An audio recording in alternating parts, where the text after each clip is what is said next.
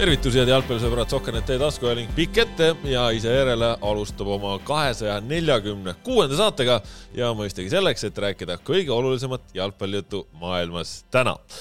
minu nimi Kaspar Elissaar ja siin meiega Kristjan Jaak Kangur. Ott Järvele. tere kuidas teil äh, nädal selle nurga alt möödunud on, et siin vahepeal on inimesed äh, erinevatel Eestimaa otsades saanud väga palju lund rookida, et kas nüüd on elu siin lihtsamaks ka läinud, eelkõige ma vaatasin esimesena sihuke, nagu teame, Nõmmel era, eramuse elaja käest, et. ei no eilsest läks väga palju kergemaks kohe ei, mis siin rookida, pole ju juurde tulnud eriti midagi vahepeal, et äh, nagu jah, minu jaoks on täpselt see, et, et et nagu lepime kokku, kas on või ei ole nagu, et, et jätame selle vahepeal siis üks, et, et, et midagi on, aga siis eh, külmetab, sulatab, eh, näe, siin on jää, kuku selil, ei ole lahke nagu, et sel, selle pulli võiks nagu vahele jätta minu poolest alati igal aastal. Ott... kui tahab, tahab ära sulada, siis sulagu ära ja mingu kõik. mina, mina nädala alguses sain ikka korra lumelabidaga eh, enda, enda koduhoovi natuke üle käia, jah, enam siis, kui veel seal värsket peale viskas. ei no midagi on ikka saanud teha, mul on üks mingi lükatakse nagu niimoodi, et, et sahk tuleb, lükkab kõigepealt mingi kergliiklustee puhtaks, siis lükkab tänava puhtaks ja siis seal vahepeal on mingisugune vall, siis eh, noh, eks selle peal nagu ei arvesta keegi, et meil ikkagi kõik inimesed ei ole nii rikkad, et noh, nagu ainult autoga sõidavad, et mõni käib jala ka siiski. ja siis sealt nagu, eriti kui see vall ära jäetub, nagu väga vahva on sealt üle turnida alati, selline sportlik väljakutse nagu. kuidas see, see on nagu hästi tüütu kuidas äh, Ott seal äh, Lääne-Tallinnas äh, tänavate olukord on, kas saab ilma uiskudeta liigelda või? ei no tähendab, kuniks seda sula ei olnud, oli väga korralik kõik, oli mõnus, mugav, aga no nagu ikka sulaga ei ole jah, ja. ei no ma saan aru, kesklinnas on rohkem neid uiske vaja vist. Nõmme, Nõmme on veel suhteliselt okei okay selle kohta jah, kesklinnas on selline huvitav olukord, aga kui minna nagu täiesti linna südamesse, siis linna südamest tundub ju täitsa niimoodi, et nagu ei saagi aru, et üldse talv oleks. ei no nüüd jah, muidugi, eks ole, siin veel ütleme nädala alguses oli, eelmise nädala alguses oli päris kuuldavasti kohutav, kus arutati seal kuidagi, et püsti püsida. ja, ja, ja ei no mina olen ka ikka saanud äh, lund saanud labidaga vehkida, et selles mina mõttes. sel aastal veel külge maha pole pannud sel talvel ütlesid ära selle. ma ka mitte, aga nagu korras selle asjaga, noh, see ilmselt täna koju minnes ma just mõtlesingi, et sa ütlesid, ütlesid praegu ära, et siis tõenäoliselt on, on teada. kuidas muidu siis nädalast midagi erku ka veel jäänud? ei ole. mitte midagi erku? kõige, kõige ergu, ergu, ergu asi sai ju pusa selga. ei kurda jah, ei kurda jah.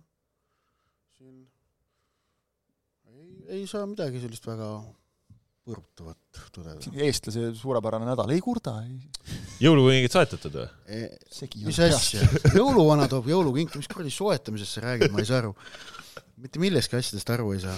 aa, mida nägin jõuluvana kusjuures? mis asja? jõuluvana nägin. nägid, tore, tore äh, pea põhjapõder annab varsti korralduse, et saan on valmis, mis iganes. aga, aga jah, jah. ühe hea ahjuprae tegin, see on võimalik vast nädala üks tipphetki oli, ma arvan mis lihast siis ka? sedapuhku oli kana. kanalihast? kas nagu panid kogu kana või mingid tükid kanadest? tükid. ja millised tükid konkreetse jutu mees rind, koib, mõlemad? no nii seda kui teist. kuradi kulinaaria nurgakese nüüd lahti on läinud. koiva alumine ots oli jah ma ei tea, mis kuradi amatöör Masterchefi me siin praegu üritame teha, ma ei saa aru, meil pidi jalgpallisaade olema. ei no jalgpallisaade küll, aga ta on sedapuhku selle aasta viimane jah, et olgu ta siis äh, ka siia kuulajatele, vaatajatele. mis sul ahjus oli, kana alumine ots? see on hea. kana koiva alumine ots, jah ainult koi, mis sa võid neid aga tegelikult ma ükspäev sattusin vaatama mingit Jamie Oliveri kokasaadet äh, ja sealt sain idee, kuna mul ema eraldas äh, kõrvitsa mille ta oli suvilas kasvatas, on ju, suur, suht suur kõrvits on, noh, selline. aga midagi peab sellega tegema, siis ma ühesõnaga sealt saatest sain idee, kuidas seda mul oleks võimalik äh, valmistada, et see tund... kõrvitsast tehakse salatit või? kuradi, ma, kaua sa jaksad seda marineeritud kõrvitsat süüa? küpsetad terve kõrvitsa, lõikad pealt kaane maha, kõrvitsa seest seemned korjad välja, sinna sisse, porru, juust, igasugune muu head maitsed, asjad sisse läheb ahju. aga kui see nii suur on, see ei mahu küll sinna ahju. saab surema ahju osta kõik on tehtav. piiratud olema kogu ja, aeg ja ja ei ka. no sellised äh, asjad siin jõulude eel mõtted muidugi käivad, et kuidas äh, sääraseid asju ähm, ette võtta ja selliseid aktsioone, selliste aktsioonidega endal äh, olemist veidikene põnevamaks teha ja okei okay,, no vot sellised siis äh, siia jutukesed jah, ja ma siis juba alguses mainisin ka põgusalt, aga ütlen üle siis tõesti, et äh, täna aasta viimane saade, uuel nädalal tähistame jõulupühasid ja siis tuleme uude aastasse ja siis, kui uus aasta on käes, oleme oma saatega ka tagasi ja, ja põhjusel, et tegemist on aasta viimase saatega, otsustasime ka täna sedasi, et, et vaatame natukene võib-olla kuidagi üldistavamalt sellele aastale tagasi, et valisime mingisugused siuksed teemakesed välja, viis tükki neid siin suuremas või kitsamas plaanis ja ja, ja nende kaudu siis kuidagi mõtestame seda just eelkõige Eesti jalgpalliaastat äh, laiali, et muidugi siin Euroopas toimub ka igasuguseid asju ja, ja täna näiteks on jugi toimunud üpris sündmustevaheline meistrite liiga alagrupi äh, järgne loos siis äh, no ikka suht, no ikkagi pettumus on see loos tegelikult. nüri on jah, seal ühtegi superpaari ei ole, midagi nagu väga põnevat ei ole, et no, no päriselt ei ole. natuke natuke äh, tasandab seda meistrite liiga äh, põnevusnivood ja praegu Gianni Infantino On- FIFA peakontoris hõõrub käsi, et äh, klubid mm, teeme laheda asja. ma, ma, ma nüüd ei ütleks, et minu jaoks ei ole vaja seda nagu põnevust äh, küll nagu allapoole veel tuua kuskilt. ei, aga see nagu klubi, suhteliselt noh, nagu ma ei tea, aga see klubide mm, et noh, nüüd nii-öelda äh, kuidas öelda äh,, teemapüstitus, kui nüüd FIFA selle uudisega välja tuli, näete, tehakse jälle uus võistlus, mis on pikk ja mis paneb mänge juurde. kus see uudis on? see oli teada, kurat ju mitu aastat tagasi, et see asi täpselt sellisel kujul tuleb. see lepitigi kokku, et ta niimoodi tuleb, kuu aega suvel. see ei ole mitte kellegi jaoks mitte mingi üllatus. Aga ma ei saa aru, miks nagu on vaja seda kuidagi praegu sa, äh, sa tead ju tegelikult, sa tead ju tegelikult küll, et noh, FIFA, UEFA-d nagu seal on lihtsalt omavahel kiskuda vaja nagu, et ei no mitte FIFA, UEFA omavahel, et seal on vaja ka Inglismaa jalgpalliajakirjandus no,, ükskõik mida jaa, FIFA teeb jaa. või UEFA teeb, sageli põhjendatult, aga praegusel puhul ma ei saa aru, kust see, kust see kuidagi selline nagu tigedus tuleb No, no,. see lugu, lugu on vaja see on teeseldud üllatus ei. no ma arvan, see tuleb praegu tuleb lihtsalt sellega seoses, et äh, meil on klubide mm viimast korda sel kujul on ju, ja, ja meil on ka meistrite liiga viimast korda sel kujul, ehk siis nagu siin praegu on niisugune moment, kus sa saad vaadata, mis meid hakkab ees ootama ja võiks Ja- ja inimestele tuletada meelde, mis meid ees ootab, on ju alati ei, ei selline no see ei ole isegi see, ma arvan, see on ka see, et kui sa tahad nagu ikkagi halada, kuidas nagu enne oli parem, kui nüüd hakkab olema, siis noh, Inglismaa on esirinnas alati selles olnud nagu aga, aga no ja, rahvusvaheline jalgpallikalender, see on tõsi, muutub väga-väga oluliselt, ehk et tõesti, meil hakkab olema iga nelja aasta tagant suurklubide mm, kakskümmend viis esim-, kahekümne viiendal aastal esimest korda, kolmekümne kahe klubi osalusel järgib siis senist äh, meeste MM-finaalturniiri formaati, mida nüüd ka naiste MM esimest korda kasutas. siis kahekümne kuuendast aastast äh, meeste MM suureneb neljakümne kaheksa riigini, hakkab niimoodi olema Ähm, ja, ja, ja samamoodi tõesti, et meistrite liiga ehk kõige olulisem rahvusvaheline klubisari ikkagi hakkab äh, kestma jaanuari lõpuni, alagrupi turniir hakkab kestma jaanuari lõpuni. järgmise hooaja meistrite liigas alagrupi turniiri seitsmes ja kaheksas voor mängitakse, see oli vist kakskümmend, kahekümne teisel ja kahekümne kaheksandal jaanuaril. no ja alagrupi turniir toimub siis ju lõpuks sedasi, et meil on üks suur liiga, kus on mingid paarid loositud, kes omavahel kohtuvad ja punktid lähevad ju üldisesse Jah. suurde tabelisse, eks see on ka nagu jalgpalli seniste loogikatega võrreldes päris suures vastuolus. mis sõna sa kasutasid? loogika. et see protsess on, mõtled siis loogikat vastuolus. Eks see eks mulle- see, eks see muidugi tähistab äh, põlvkondade vahetust äh, rahvusvahelise jalgpalli mõtlemise äh, protsessis. nagu kunagine hea kolleeg armastas öelda ikkagi sellistes äh, olukordades, kus oli jõutud nagu teatavasse ummikseisu arutluse käigus, et eks ta ole koolkondade küsimus. no ma, ma loen siin korra, vaatasin nagu veel Briti meediat, et noh, kuidas nüüd BBC näiteks käsitleb, et nemad on läinud nagu huumoriteed, et, et nemad on äh, maininud ära selle, et äh, et meistrite liiga nüüd viimastest võitjatest on siis ametlikult äh, kvalifitseerunud siin Chelsea, Real Madrid, Manchester City ja siis on miskipärast lisanud juurde veel selle, et äh, ka Arsenal äh, kvalifitseerub automaatselt äh, juhul, kui nad võidavad sel aastal meistrite liiga no ei noh, jaa, ei no,, keegi peab nalja ka tegema. jah, no, aga no, no selge on see, et tegelikult okay, see... jalgpall ju mingisuguse murrangu level on ja selles mõttes me oleme nagu revolutsioonilises ajas, noh, et kõik hakkab olema ikkagi ju jällegi teistmoodi jalgpall, mis on no, tead, olnud väga traditsiooniline, eks siin on olnud juba esimesed sammud, ütleme, et rahvuste liiga, kõiksugused mingid nagu aga meistrite liiga osas võta ette korraks ja vaata seda, et, et tegelikult noh, vähemalt mina vaatan seda küll nagu niimoodi, et et kui ma nüüd millalgi just otsisin mingisugust vanemaid tulemusi ja vaatad, et, et millal muutus nagu see, et noh, kõigepealt tuli see meistrite liiga, eks ole, meistrite karikasarja asemele üldse. seal on seda alagrupi turniiride süsteemi, algul oli ju esimene alagrupi voor, teine alagrupi voor, eks ole, tõsteti niipidi, naapidi. satsid said edasi, osad ei osad saanud. ei saanud, eks ole, kõik nagu sätt-, tehti niipidi, naapidi, kolmandat moodi, mingil hetkel play-off koosnes nagu oligi põhimõtteliselt poolfinaalid, finaal, eks ole, ainult et noh, kogu aeg on seda nagu mängitud, mis siin nüüd nagu parim on lõpuks ikkagi see, kes nagu oma vastased kotti paneb, eks ole, et, et noh, selles mõttes see võib ka üllatav olla, kuivõrd palju erinevaid formaate on kasutatud MM-finaalturniiril läbi oh, aegade. Eh, ehk et oli ju, oli ju variant, kus oli kahekümne neljane, kakskümmend neli osalejat, igast äh, grupist kaks tükki edasi ja kaheteistkümnest satsist moodustati omakorda neli kolmeliikmelist gruppi, kui ma nüüd õigesti mäletan mm, -hmm. äkki see oli vist oli jah ja,? äkki see oli äh, kaheksakümmend kaks Hispaania. võtame kas või siin EM-id, MM-id, eks ole, kogu aeg on ka nutt ja hala, et, et näed, nüüd lähevad jälle nagu siin suuremaks ja küll kõik kaob nagu siin ma ei tea, mis asjad ära ja teistel on see mure, et, et et, et kellel, kellel see seal lahustub kõik, eks ole, kellel on see mure, et, et nüüd mingisugused koondised, kes ei vääri seda, lõpuks jõuavad ma ei tea kuhu, noh, nagu vaatad nüüd viimaseid siin neid tiitlivõitjaid, et kas siis nagu on mingid lambisatsid võitnud, ei ole ju. No, lõpuks võidab ikka see, kes on kõige rohkem väärt, eks ole, sa, oleme saanud üllatajaid poolfinaalidesse, igasuguseid asju, et ma ei näe, ma ei näe nagu no seda jalkat on lihtsalt nii palju lõpuks. palju on teda niikuinii. meeletult palju. aga tead, miks teda palju on, teda on sellepärast palju, et, et sul on võimalik praegu vaadata noh, väga suures plaanis ikkagi enam-vähem kõike, kõike, mis tahab. Rääkimata meistrite liigast, tippliigadest, eks ole, tippliigasid, meistrite liigat, kõiki eurosarju, neid sa näed niikuinii, suurturniire samamoodi. no välja arvatud siis, kui üks Eestis võib-olla üks kanal näitab neid, siis ei näe kõiki mänge.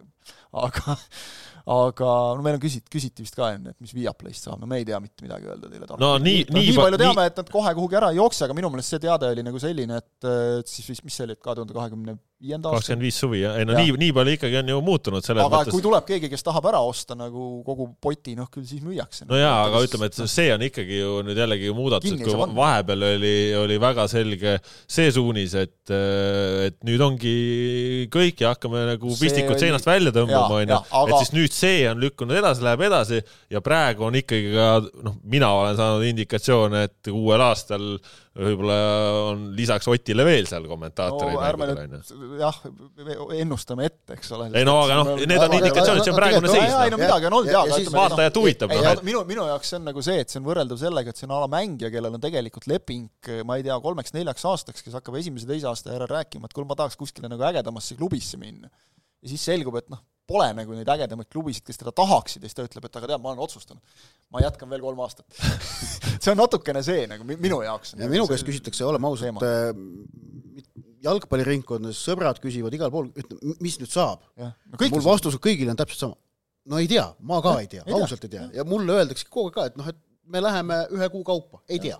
Praegu, ja see ongi nagu, noh, praegu on lihtne selles mõttes, et noh, mänge näeb, praegu siis eestikeelset kommentaari on vähe, noh, äkki see mingil hetkel muutub, äkki no, ei muutu. mina, mina sain indikatsiooni, et kui vee, veebruaris äh, meistrite liiga tagasi, et võib-olla siis on ja, rohkem ja. kui nädala peale ühel mängul kommentaari. ma olen ka kuulnud neid, noh, hurraa.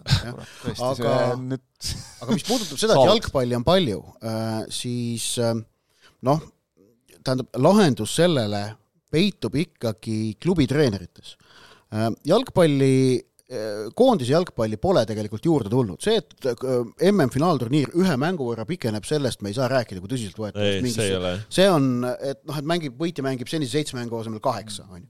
see on äh, noh, väga väikene muudatus. Äh, juurde on tulnud erinevat klubi jalgpalli ja noh, okei okay,, see klubide mm, see paneb osadele satsidele mm, surve peale, teine asi, mis on survet tekitanud, oli on ju Katari mm, mis oli keset klubi hooaega. Ehk et need asjad on tekitanud survet, aga seda survet on võimalik, tähendab, esiteks selle survet selle, selle, selle surve, mis praegu puudutab meistrite liiga, Euroopa liiga alagrupi turniiri laiendamist, et klubid peavad kahe, kuue mängu asemel kaheksa, see on ikkagi olnud väga selgelt ka tippklubide enda soov selle taga ei ole mitte midagi muud kui klubide soov, sellepärast et see to-, just nimelt toob ja tagab suuremad sissetulekud. Ning, ning kust on võimalik tagasi anda, on see, et esiteks muidugi kõikvõimalikes karikasarjades loobuda kõikvõimalikest kordusmängudest, mis on Inglismaad vaevav tõbi ja noh, Inglismaalt, kuna väga palju hala tuleb, siis noh, tegelikult vaadaku peeglisse. Ning, ning teine asi on ikkagi no koristage oma liigakarikas ka ära, kui nii väga häirib, eks ole, selles suhtes, et noh, saab ka ilma selleta hakkama ja. nagu. ja teine asi on see, vaatame, vaatame Bundesliga suunas. tuletame meelde, Bundesligas on kaheksateist satsi ja, ja see, et mängida kõrgliigasid kaheksateistkümne satsiga kahekümne asemel, nii ka Hispaanias, Inglismaal, Itaalias, Prantsusmaal, kas mitte Prantsusmaa ei kavatse seda mõtlevad jah, jah. minu meelest, kas uuest hooajast äkki juba ongi vist või? minu meelest on see, see on tulemas või tekkimas. seal, seal, seal tuleb jah ja aga, aga see on kõige lihtsam viis leevendada survet. neli mängu võtad sellega hooajast maha ja, ja, ja noh, sellega ja, ja teine asi, millega survet leevendada, on see, kui peatreenerid, klubide peatreenerid saaksid aru, et äh, roteerimine tippklubidel siis, et noh, roteerimine on vajalik, muidugi nad ei taha seda teha, aga kui see mõtteviis mingil hetkel omaks võetakse ja ka võistkonnad sellega ära harjutatakse ja, ja siis äh, hakkab see kõik toimuma palju valutumalt kui praegu, kus äh, me näeme ikkagi, et äh, satsid, kellel natukenegi hoog sees on, ei taha mitte midagi muuta, see on, see on arusaadav, aga äh, noh, pikas plaanis tekib see sund, see vajadus planeerida kogu protsess sääraseks, et see roteerimine oleks loomulikum, kui ta praegu on. me oleme nii kõvad Prantsuse liiga jälgijad, et sellest hooajast juba kaheksateist. on jah ja.? on küll, jah. ma jäin korra nagu mõtlema, et oli nagu täitsa mingi ja. uudis, aga jah, vaatasin järgi, et sellest hooajast juba kaheksateist no,. aga, aga noh, kujuta, liigas... kujuta nüüd ette Inglismaal, kus sa selle jutuga lähed, et kuule, et, et meil nagu kaks satsi veel, kes ei saa siia, kus on mm -hmm. ropp raha liigub, noh, seal võid ära unustada selle. jah, aga noh, Prantsusmaa liigaga häda on see, et, et see tekitab huvi ainult siis, kui BSG ei võida, et siis vaatad, mis juhtus. no, no praegu, praegu ei tekita isegi siis enam eriti huvi. ma pean ütlema, minul näiteks eile isegi äh, mängis kodus Prantsusmaa liiga, ma pean ütlema, et äh, kaminas oli nii hea soe tuli, et mul tuli pigem ka uni peale kuigi näed, väga lõpp, Lill BSG pakkunud yeah,, noh yeah., eks väga põneva lõpuga mäng nagu ja ei jõudnud selleni. viimase löögiga viik ja kõik jutud, ei. aga vot jällegi, see ongi kusjuures nagu näide, et, et vanasti oleks, ma mäletan nagu, mina, mina mäletan veel aega ka, kus TV3 näitas, eks ole, ta näitas seda ühte mängu, mida see, noh, see võis olla suvaline mäng, alagrupi viimastes voorudes teinekord näidati, me teame need brändid, eks ole, et, et suured klubid, see on alati olnud nii, et kui Barcelona mängib, ma ei tea, mingi Ludo Goretsiga ja võidab neid viis-null, eks ole, siis võib olla mingisugune ala, ma ei tea, võtame meistrite liiga mm. praegu värske paari, Inter Atletico nagu iseenesest selline noh, jalkafännile nagu huvitav, taktikaline lahing, kõik, eks ole, nagu noh, põnev paar ikkagi nagu Hispaania-Itaalia tippklubid. ja tavainimest see ei koti absoluutselt, ütleme maakeeli täiesti mm.. tema vaatab seda, kuidas Barcelona viis tükki paneb, kurat, head vennad. vaata, kus kunagi vaatasin Messit ja kõike, eks ole. et ja siis vaatasid seda, sest muud ei olnud vaadata. nüüd vaatad, noh, mida tahad, vaat Karol Metsa, St Paulit, eks ole, otse iga nädal. et äh, see ongi muutunud. ja kui Mart Poom mängis Inglismaal, tema mängude nägemine oli paras kunsttükk. tema mängude nägemine oli nii, et pärast äh, mängu helistasid ajakirjanikud ja Mart, mis sa siis tegid täna? jah, ja oligi. temaga oli hea, temaga oli hea. ta oli aus poiss, see. No, pigem temaga oli pigem ta, nagu see häda, et ta tegi ennast maha. ta tegi, jah. ta, ta tajus väga hästi, et ta on tohutu saa-, suursaadik Eesti jalgpallile ja et see oli noh, okei okay,, see ei olnud kuidagi kohustuslik osa tema tööst, aga noh, vastutus Eesti jalgpalli ees oli säärane, et ta tõepoolest võttiski pärast mänge need kõned vastu ja rääkis. praegu on ajad vaata nii palju muutunud, et äh, siin just vaatasin natukene nagu tagasisidet, et kas Karol Mets on teinud noh, okei okay,, St Paulil on nüüd niisugune vähe kehvem periood, et, et kolm mängu järjest viik, aga Mets on teinud seal, ütleme, mõned sellised noh, mitte nagu parimad otsused, aga mitte mingeid erilisi prohmakaid ega midagi, noh täpselt sellised, mis kõigil juhtub, me lihtsalt vaatame metsa, silmad punnis peas, eks ole, ja mõni vaatab ka nagu selle pilguga, et noh, noh, millal eksib, ehk eestlaslikult. ja siis on umbes niisugune, et ei tea, näe, ongi hakanud alla käima ka juba ja ega siin ei ole midagi teha, et varsti on Eestisse tagasitulek umbes ja niisugune, mis asja, noh aga, aga seoses selle jalgpalli nähtavusega lihtsalt meenus see seik äh, siis ka eelmisest nädalast, äh, meil oli ka siuke Hiiumaal väike hooaja kokkuvõttev üritus oma, oma klubis ja siis ka nooremad äh, jalgpallurikolleegid siis ka seal rääkisid oma lemmikklubidest ja nii ja naa ja siis küsivad ka minu käest, et kuidas mina siis omal ajal jõudsin mingi klubini ja noh, selgus, et mina jõudsin selle klubini juba noh, enne kui nemad on sündinud, onju ja noh, siis ma selgitasingi, et tead, et vanasti oli niimoodi, et tere nagu, tere tulemast sellesse seltskonda ja, ja ütlesingi, et vanas, vanasti oli niimoodi, et nagu sa ei saanud kõike nii, nagu sa praegu mm -hmm. saad ja et sa vaatasid seda, mis sul telekas siis toda mingit ühte mängu pakuti ja noh, niimoodi kuskilt need sümpaatiad hakkasid tekkima. ja, ja oli väga oluline osa, et kuidas hoida ennast väravatega kursis, mida ju toona ei saanud netist vaadata, miks vähemalt tahad, oli esmaspäeva õhtune eurospordi saade Eurogoals, mis võttis kokku äh, Inglise liiga väravaid seal näinud, Inglismaa õigusi neil ei olnud. no info said teletekstist, noh. aga, aga, aga minu meelest ülejäänud neli tippliigat olid neil enamasti olemas võib-olla Itaaliat ka ei olnud, aga igatahes sealt sai neid väravaid, sai ka Hollandit, Belgiat, natukene Portugali ja lihtsalt käis mäng mängu kaupa kui..., näidati väravaid, jumala äge saade oli, kõik hakkas, vaatasid. kus sealt hakkas, hakkasid saama nagu vaadata Andres Ooperi väravaid. jaa, see oli, see oli selline, see oli siuke, et kurat, nüüd me oleme, nüüd me oleme kuskil ja kusjuures see oli lineaaris, ehk et ja. kui sa maha magasid, siis sa seda ooperiväravat ka ei näinud. välja arvatud, kui sa oma VHS-i olid pannud salvestama. nüüd me jõuame ikka väga juba, mingid meil nooremad kuulajad ei saa üldse mitte midagi aru enam. mis no, mõttes, et miks sa tagasi ei kerinud siis? No, nagu, ma, rääk, ma rääkisin ka oma selle jutu ära, siis nad olid mingi oota, see oli ju siis, me ei olnud keegi siit sündinudki veel ja sina räägid enda arust umbes nii, et noh, see mingi, no mis ta oli, mingi kümmekond aastat tagasi, no umbes niimoodi, eks ole. noh, olid jah. see on Aga... nagu see, et, et need inimesed, kes ütlevad, et, et olen äh, sündisin hilistel tuhande üheksasajandatel. üheksakümmend seitse siis või et millest sa räägid? aga siis saad aru, et jaa, et päris palju aega on mööda läinud ja aega on palju läinud mööda, lähme meie siis ka siit tegelikult Euroopast tulenevalt. sissejuhatus sai tehtud. ei, see oli väga, väga pikk sissejuhatus. see ei olnud sissejuhatus, see oli isegi niisugune orgaaniline osa sellest ja, kõigest, mis meid ees ootab ja tegelikult väga Uduse, Uduse Albioni salvestasime enne, siis meil Otiga oli just see tunne, et meil läks sissejuhatus jõle pikaks, aga näed, saab veel kaua äh, Läheme selle juurde, mis, mis meie arust oli möödunud aastal üks väga äh, suur ja, ja oluline teema Eesti jalgpallis ja, ja me oleme siin eurosarjade rindel ja, ja paraku oli Eesti klubide ikkagi totaalne põrumine eurosarjas, et see jääb sellest aastast meelde, kuidas no meil alates sellest hetkest, kui Flora selle konverentsi liigas ära, ära käis, meil on see, kuskil on see lootus on hinges, et aga et kas äkki jälle midagigi. Ja siis me paneme ikka niimoodi, et no me saame ikka no igalt poolt, et me saame nagu no, vääridelt ja, ja, ja, ja, ja suvase alagrupp ja, ja, nagu, ja suva isegi see nagu, et me välja kukkusime, aga lihtsalt see, kui sa nagu vaatad, noh, kellega, kuidas nagu noh, mängu ei olnud. no aga põhimõtteliselt me ütleme, et tegelikult üks raskemaid loose, kus oli Levadial onju, Slovakkia klubi onju, et seal oli nagu isegi mängu kõige rohkem, ma ütleks et, et Levadia nagu tegelikult selle, noh, selle nurga alt, et ja. sealt baarist ei oodanud midagi, aga see kõik oli nagu lõpuks nagu jättis nagu natukene parema tunde kui ma ei tea, Paide Fääridel või, või Flora oma asjadega onju. no Narva Transilt, oleme ausad, ei oodanud juba alguses. ei oodanud jah. mitte midagi. aga tegelikult seal nagu oli ka mingisugune südikuse laine või nagu, ja, ma, ma ütleks, et seal nagu prooviti mängida nii, nagu nad suutsid ja, ja, ja noh, ma ei julge no, nagu, Kreismer tõusis esile. ei saa nüüd öelda, et nad oma maksimumi nagu välja ja. mängisid, aga mängisid nii, nagu oskasid, eks ole, ja noh, ei, ei pannud nagu lati alt läbi. aga no, aga samas äh, võttes Flora eurohooaja,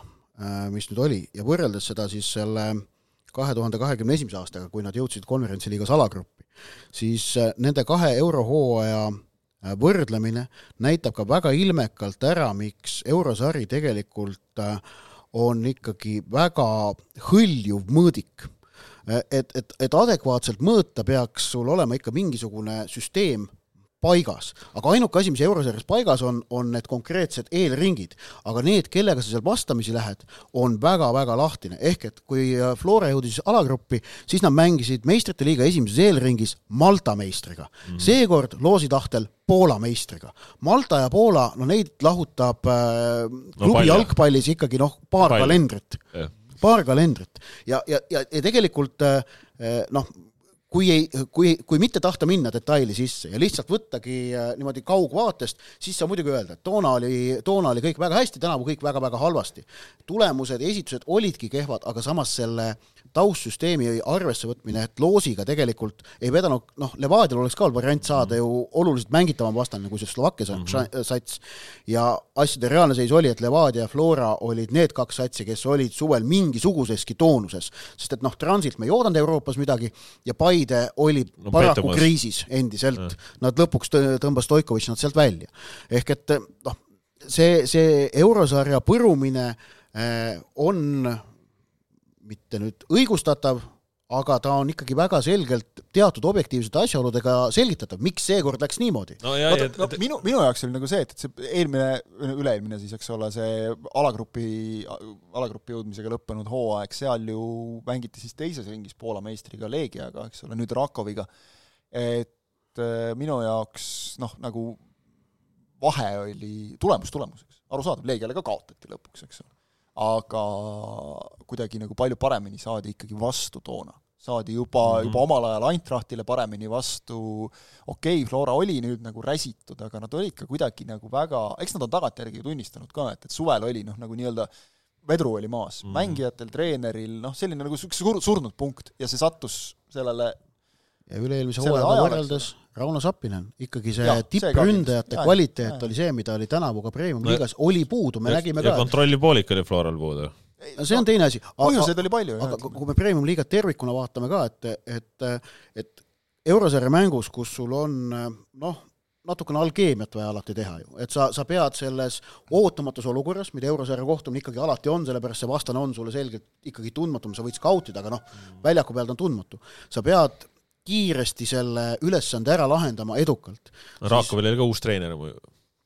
jaa, aga noh, ikkagi Raakov Flora jaoks on selline ja ma mõtlengi, see tegi veel, veel nagu tundmatumaks mingi nurga alt. et, et kui et nemad sellise... lähevad nagu nulli pealt ja Flora läheb nulli pealt, siis noh, need nullid asuvad, asuvad erinevatel kõrgustel, eks. minu mõte on see, et, et sellises äh, nii-öelda ettearvamatus keskkonnas, mida eurosarja mäng on, on suurem šanss äh, see enda kasuks ära lahendada siis, kui sul ikkagi individuaalse meisterlikkusega suudad seal midagi äh, väga ära teha. Ja ennekõike me räägime praegu ründajatest, et, et sa saad kuskilt nii-öelda noh, kauba peale värava või lihtsamat sorti värava või, või, või et sul on tõesti ründaja väga heas hoos ja toona oli Rauno Sappinen, noh, ta oli supervormis kaks tuhat kakskümmend üks. tema näide... Florat seal tassis tegelikult ka see kodumäng Malta meistriga, mis algus oli keeruline. Mm. seitsekümmend minutit oli null-null ja Sapi lõi õppus kaks tükki ära ja see vabastas Flora. see vabastas nad igasugusest pingest ja survest, nad võitsid ka kordusmängu, nad teadsid, et neil on nüüd kolm võimalust minna ja lõpuks äh, Shamrocki vastu Sappinen tegi jälle ära kodus vist lõi Miller kaks tükki, aga võõrsil lõi üle Sappinen selle vabastava värava. ehk et see ja, ja noh, seda me tänavu nägime ka Premium-liiga väravalööjate statistikast, et meil ei olnud tippründajaid Eesti klubides, neid, kes lööksid võrgud puruks, no ei olnud. ei olnudki jah see, see on üks suur teema, mis on ka ja noh, millest me täna Premium-liigasse me väga ei lasku, sest Premium-liigast me oleme siin teinud kokkuvõtteid eh, nii ja naapidi, onju, aga neljakümne nädalaga umbes. jah, aga, aga mis, mis on tegelikult veel, mis, mis ma tahtsin öelda, ongi, sa ütlesid, et ongi, et see eurosari on selline, et seda ühe aasta lõikes on nagu keeruline nagu noh, võrrelda või panna seda nagu, et absoluutseks tõeks, onju, mis on tegelikult nagu mingit pidi, ma arvan, põhjus, miks eh, Euroopas klubide ranking eurosarjades käib viieaastase tsüklina, sest noh, seal ongi väga palju selliseid tegureid, mis, mis võivad olla nii ja naa, onju. et kui me ja... mängiks iga aasta Läti meistriga eh, või ma ei tea, Soome meistriga või, või Norra meistriga, sa saaksid enam-vähem adekvaatselt võrrelda, aga tegelikult ka, kui sul üks aasta on Malta ja teine aasta on Poola meister, noh, eh, Island, seal vahepeal Levadia mängis Islandi meistriga, onju, noh. No, et ja, objektiiv, ongi see, et objektiivselt võttes, okei okay,, vaata siin ongi see ka natuke, ta kogu taustsüsteem, eks ole, eelmisel aastal Paide, kes ju tegelikult noh, penaltitega läks edasi, eks ole, et ka nüüd mitte nii, et mängiti vastane üle või midagi, eks ole. ütleme ausalt, noh ikkagi mingil määral oli õnne ka natuke, sportlikku õnne, eks mm -hmm. ole, mis ise välja teeniti, aga seda pidi olema. Selle varju näiteks jäi see, et, et objektiivselt võttes Flora eelmise hooaja euroteekond läks palju hullemini pekki kui sel aastal ju mm. soomlastelt niimoodi sisse saada, eks ole, kui sa vaatad seda, et siis olid ju ikkagi noh, mehed olid rivis, eks ole, nagu meeskond oli, ma ütleks ikkagi objektiivselt selgelt tugevam kui see, kes mängis sel aastal Poola ja Rumeenia meistriga, aga paned need kõik neli kokku ja siis on tõesti selline, et hüppa alla kuskilt. aga sa ennem sa rõhutasid esitusi ja nüüd, kui me võrdleme esitusi, siis tegelikult selle Seinajoki vastu äh, kolm väga korralikku poolaega, aga lihtsalt neljas poolaeg läks nii kapitaalselt tuksi, et sellega mängiti kogu see, see, duell maha. ja, ja sa... ma mäletan, ma kommenteerisin seda no,, see oli, see oli karm, noh. ma usun, et see oli valus, eks no., sest see oli juba noh, kõik olime nagu, et aa, see on käes, eks ole. ja, ja mis puudutab seda individuaalset oskust, siis minu meelest väga hea näide on Rakoviga mäng võõrsil, kus Evert Grünwaldilt väga hea partii, null ühega tagasi, eks ole, kõik nagu okei okay.. aga null ühtedest ei piisa ju. aga, aga mis siin tuli võtta riske ja poolakad karistasid. aga, aga mis, mis nüüd ongi tegelikult on, okei okay,, oli see Rakon mäng ära, aga siis tuli Rumeenia meister. ja jälle, ja jälle loosiga, noh no. Konstantaporul, jaa, okei okay.. ja, ja ongi selles mõttes kaks mängu, kahe mängu võttes null viis ja no mõttes, et nad, nad täiesti pekkis, no kuidas saab nii olla, aga siis järgmises ringis Farul mängib Soome meistri HJK-ga ja kaotab kahe mängu kokkuvõttes. ja siis, kui me mõtleme, et me nagu tahaksime sommidega kuskil nagu mingil tasemel olla, siis sa nagu, siis järsku see Farulli nagu aupaiste, mis on nende ümber, see nagu kaob ära ja õhupallist läheb õhk välja, et aga kuidas siis sommid suutsid? noh, ja, ja siis ongi siuke ja siis samas vaatad, kuidas HJK siis pani lõpuks oma alagruppi onju, noh, alagrupis nad, nemad ju lõpuks võitu ei saanud Mm -hmm. et äh, mis on siis näiteks erinev Flora ju sai omal ajal ja siis on siuke nagu, et see on ja, nagu nii siuke nüansid. Äh, suhteline, tohutult suhteline, igatpidi sa võid hakata noh, see, et et me võitsime neid, nemad võitsid seda, järelikult tõtt, aga sa võid neid, äh, kuidas öelda, astmeid sinna juurde veel kleepida üles-allapoole väga palju. mis see karikas on, mis käib nagu niimoodi, see, et boksi, boksi maailmameistri vööna. mitteametlik MM-tiitel, eks ole, et see käib ju ka kus see on praegu, ma ei tea isegi. ei no ta enam, praegu ta peaks Argentiina valduses olema jätkuvalt, ta, Argentiina sai selle MM-iga enda kätte. no jah, koondisid mööda, jah. Äh, aga, aga jah, et, et see eurosarja valu, aga muidugi see põrumine oli valus aga samas, kui me vaatame ja paneme selle natuke laiemasse taustsüsteemi, ma mõtlen, paneme jalgpallist väljapoole ja vaatame, kuidas Eesti erinevad pallimänguvõistkonnad kahe tuhande kahekümne kolmandal aastal eurosarjas hakkama said pärast seda, kui Cramo jah, jõudis äh, jaanuaris-veebruaris Kossu eurosarjas poolfinaali mm, -hmm. aga mhm. võtame siis noh, teistel pallimängudel võtame ka nüüd äh, suvest alanud hooajad mm. -hmm. võrkpalliklubid ei läinud välja sellepärast et see on liiga kallis, äh, noh, Tartu üks aasta käis, said Assooride satsi endale vastu, maksid ennast noh, ogaraks. just.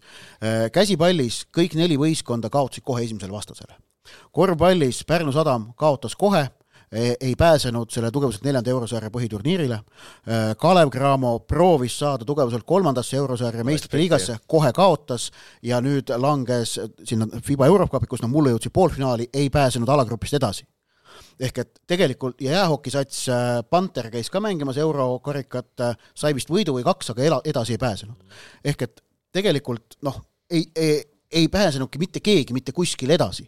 Äh, ja ilmselt, ilmselt on seis säärane, et mitte keegi neist satsidest, kellega vastamisi mindi, ei oma väiksemat eelarvet kui see Eesti klubi, kellega mängiti, sõltumata spordialast.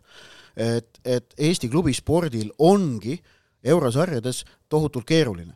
ja noh, siin nüüd mi-, mi-, millist noh, lahendust sellele olukorrale nii-öelda leida, et noh, et äh, riik peab andma raha, no mina sellega nõus ei ole, ei pea e,.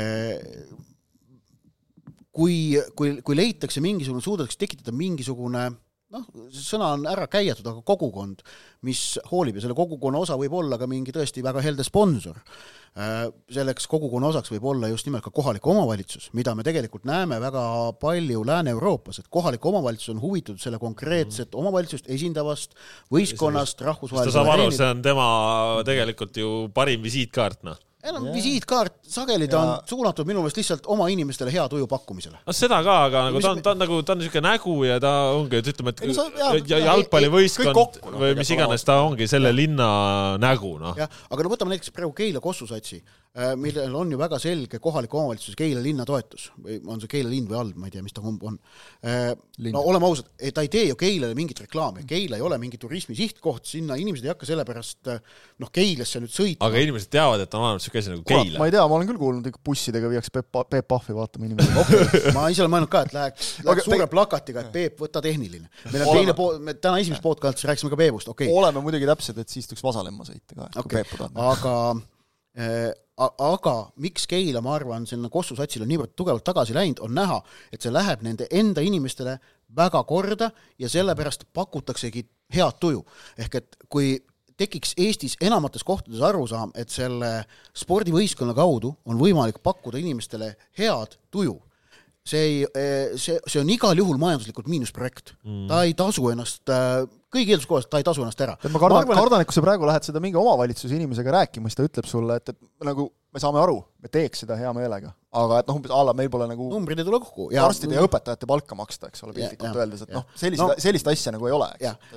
aga selles on häda, see on üleüldine, ma olen, ma olen nõus, et nagu riik ei peaks andma raha kindlasti mitte mingite, riik võiks anda võib-olla siin, ma ei tea, alaliitudele, eks ole, noh, selle jaoks nagu raha, aga kindlasti riik ei peaks nagu profisporti üleval pidama nüüd niimoodi, sellisel kujul. no selleks on riigid, kus seda tehakse no,.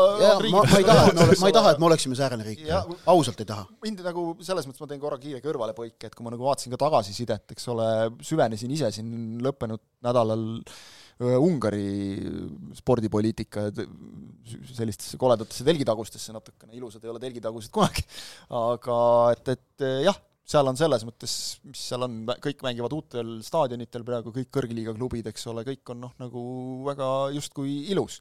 aga kui see kõik tuleb nagu korruptsiooni ja, ja isikuvabaduste piiramise hinnaga kusjuures oligi nagu tagasi vastureaktsioone ka umbes selliseid, no aga mis, et oleks, vaata, meil on siin Sportland Arenal on see üks tribüün ja helesinine peldik, et, et kui meil oleks ka ikka selline ilus staadion, siis oleks ikka nagu palju ägedam nagu, et, et siis, siis võib nagu, saaks staadioni, siis võiks kõik õigused, kõik asjad visata, kus kurat, eks ole. me jõuame staadionist hiljem rääkida. et noh, jaa, et noh, lihtsalt staadion staadioniks, eks ole, kõik see nagu selleks, et, et siis, siis nagu oleks, kõik oleks hästi. mina ühesõnaga... tahaks ka, et Eesti spordis oleks raha rohkem ja et riik panustaks ka nagu rahva tervisesse selle kaudu, eks ole, see ei ole raha täpselt nagu sa ütlesid, see ei ole kasumlik projekt, see ei tule tagasi, aga et see, et seda tehtaks, aga mitte nüüd ka nagu kõige hinnaga. Ja siis lõpuks ongi see, et, et me viskame mingisugusele klubile raha, vahet ei ole lõpuks, kust see tuleb, eks ole, viskame raha, et mängige eurosarja hästi, aga võib-olla saavad endale, ma ei tea, siin mingisuguse Eintrachti või kellegi jälle vastu, eks ole, kohe esimeses ringis, kes on kuidagi sinna sattunud, saavad pähe, mis sellest rahast kasu kõik, jah, et, et ükskõik, milline Eesti jalgpalliklubi, kui isegi, kui kasvataks praegu oma eelarvet kolm-neli korda, Flora ja Levadia kasvataksid, ja, ja siis ikkagi võib vabalt juhtuda, et eurosarjas saavad esimeses ringis vastase, kelle vastu nad on ikkagi selged outsiderid.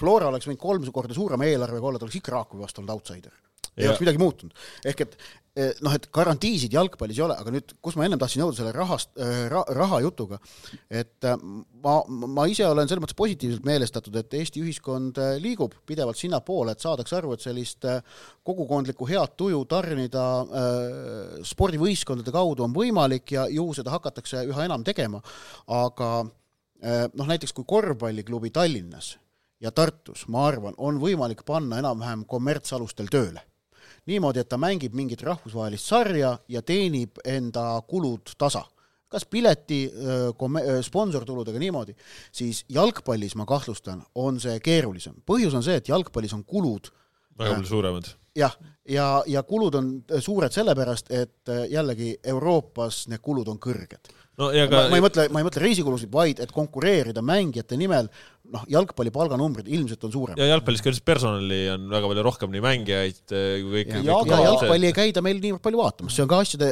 jalgpallis noh, piletitulu ka eurosarjades ikkagi noh, tähendab ega teisi euro..., teisi pallimängualasid rohkem ei käida vaatamas? no Kalev Cramo teenis oma eurohooajaga väga korraliku pileti no, okei okay,, Kalev, Kalev Cramo on ja, ja Tartus käib, ma olen aru saanud, praegu korvpalli väga kena publik vaatamas, sest nad on pannud äh, kokku sellise toimiva projekti, mida, mida Tartu korvpallipublik usaldab. Et, et Tartu on endale Kossu publiku tagasi võitnud, mis vahepeal oli seal kaotsi läinud. ärme muidugi ühte asja unustame, on see, et, et kui sa teiste pallimängualadega võrdled, siis minu meelest vist võrkpallis on see nagu eriti valus teema, et, et kus siin isegi nagu koondisi juba just ju värsked uudised, eks ole, ütlevad, et, et koondisi noh, nagu kas saadame kuldliigasse, ei saada, sest kulud on nii suured, seal on see, et eurosarjas osalemisele sa maksad räigelt peale sa tahad mingit turniiri korraldada, sa maksad räigelt peale, jalgpallis seda nagu ei ole. jah, aga kokkuvõttes on, on ma arvan, noh, see eurosarja hooaeg, mis meil oli, mis oli nukker emotsioonidelt, meenutas äh, paraku seda, et äh, et ongi väga keeruline Euroopas hakkama saada, et see ja, ja see ei ole nüüd sellepärast, et siin tööd tehakse kehvalt, aga lihtsalt ressursid, mis on Eestil kasutada on, on lihtsalt muu Euroopaga võrreldes ilmselt oluliselt tagasihoidlikumad. Eestis arvatakse, armastatakse öelda, et jalgpall on ju rikas, aga, aga jah, et Eesti Jalgpalliliidu eelarve on teiste spordialade alaliitudega võrreldes tõesti noh, suur ja Eesti Jalgpalliliit on Eesti suurim spordiorganisatsioon, aga Eesti jalgpalliklubide eelarved võrreldes nende klubidega, kellega Euroopas vastamisi minnakse, on väikesed. väga väikesed.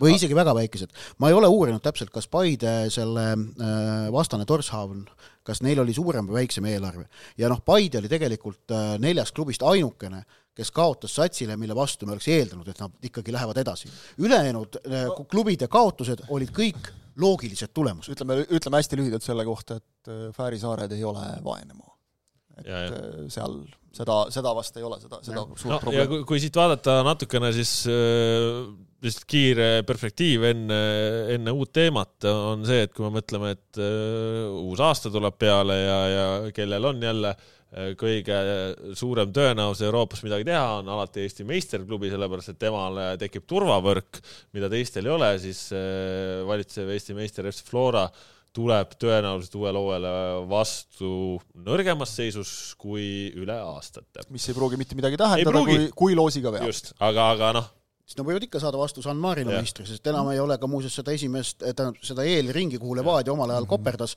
seda enam uuest hooajast ei ole. ehk et kui sa oled esimeses ringis asetatu, siis kõik need San Marino, Andorra meistrid on ka nüüd valikus sees. ja elu on näidanud alati ka seda, et ka neile võime kaotada San Marino sats me ei ole kaotanud, me jah, seda ei ole, aga, aga elu on näidanud, Gibraltari satsil on kaotatud. et ka seal, et no, kus me ei oota, sinna, sinna ka võime ikka.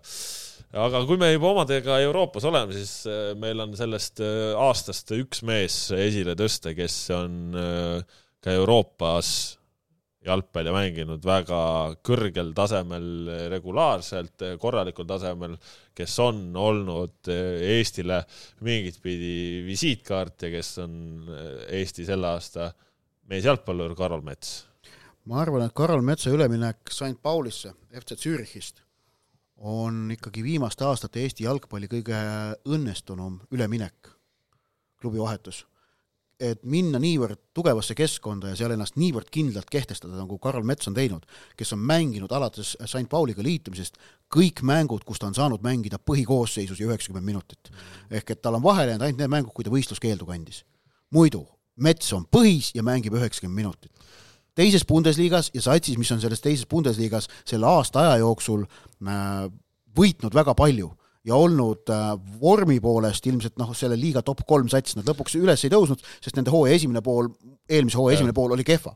Ja seejuures ütleme, et see ülemineku alguses oli ka natukene vaadata niimoodi, et et kuule, et sa oled nagu Šveitsi meistriks tulnud just ja sa lähed Bundes, teise Bundesliga nagu tagumise poole satsi, aga noh, mis on siis nagu reaalsuses näidanud, et, et kui suur on olnud ka nagu metsa mõju seal ja, ja noh, okei okay,, nüüd nädalavahetusel anti liidri koht Kiili Holsteinile teises Bundesligas, aga ikkagi ainsa satsina ollakse kaotuseta ja no ma vaatasin seda, seda mängu ka, mis, kus nüüd nädalavahetusel viik saadi, seal oli.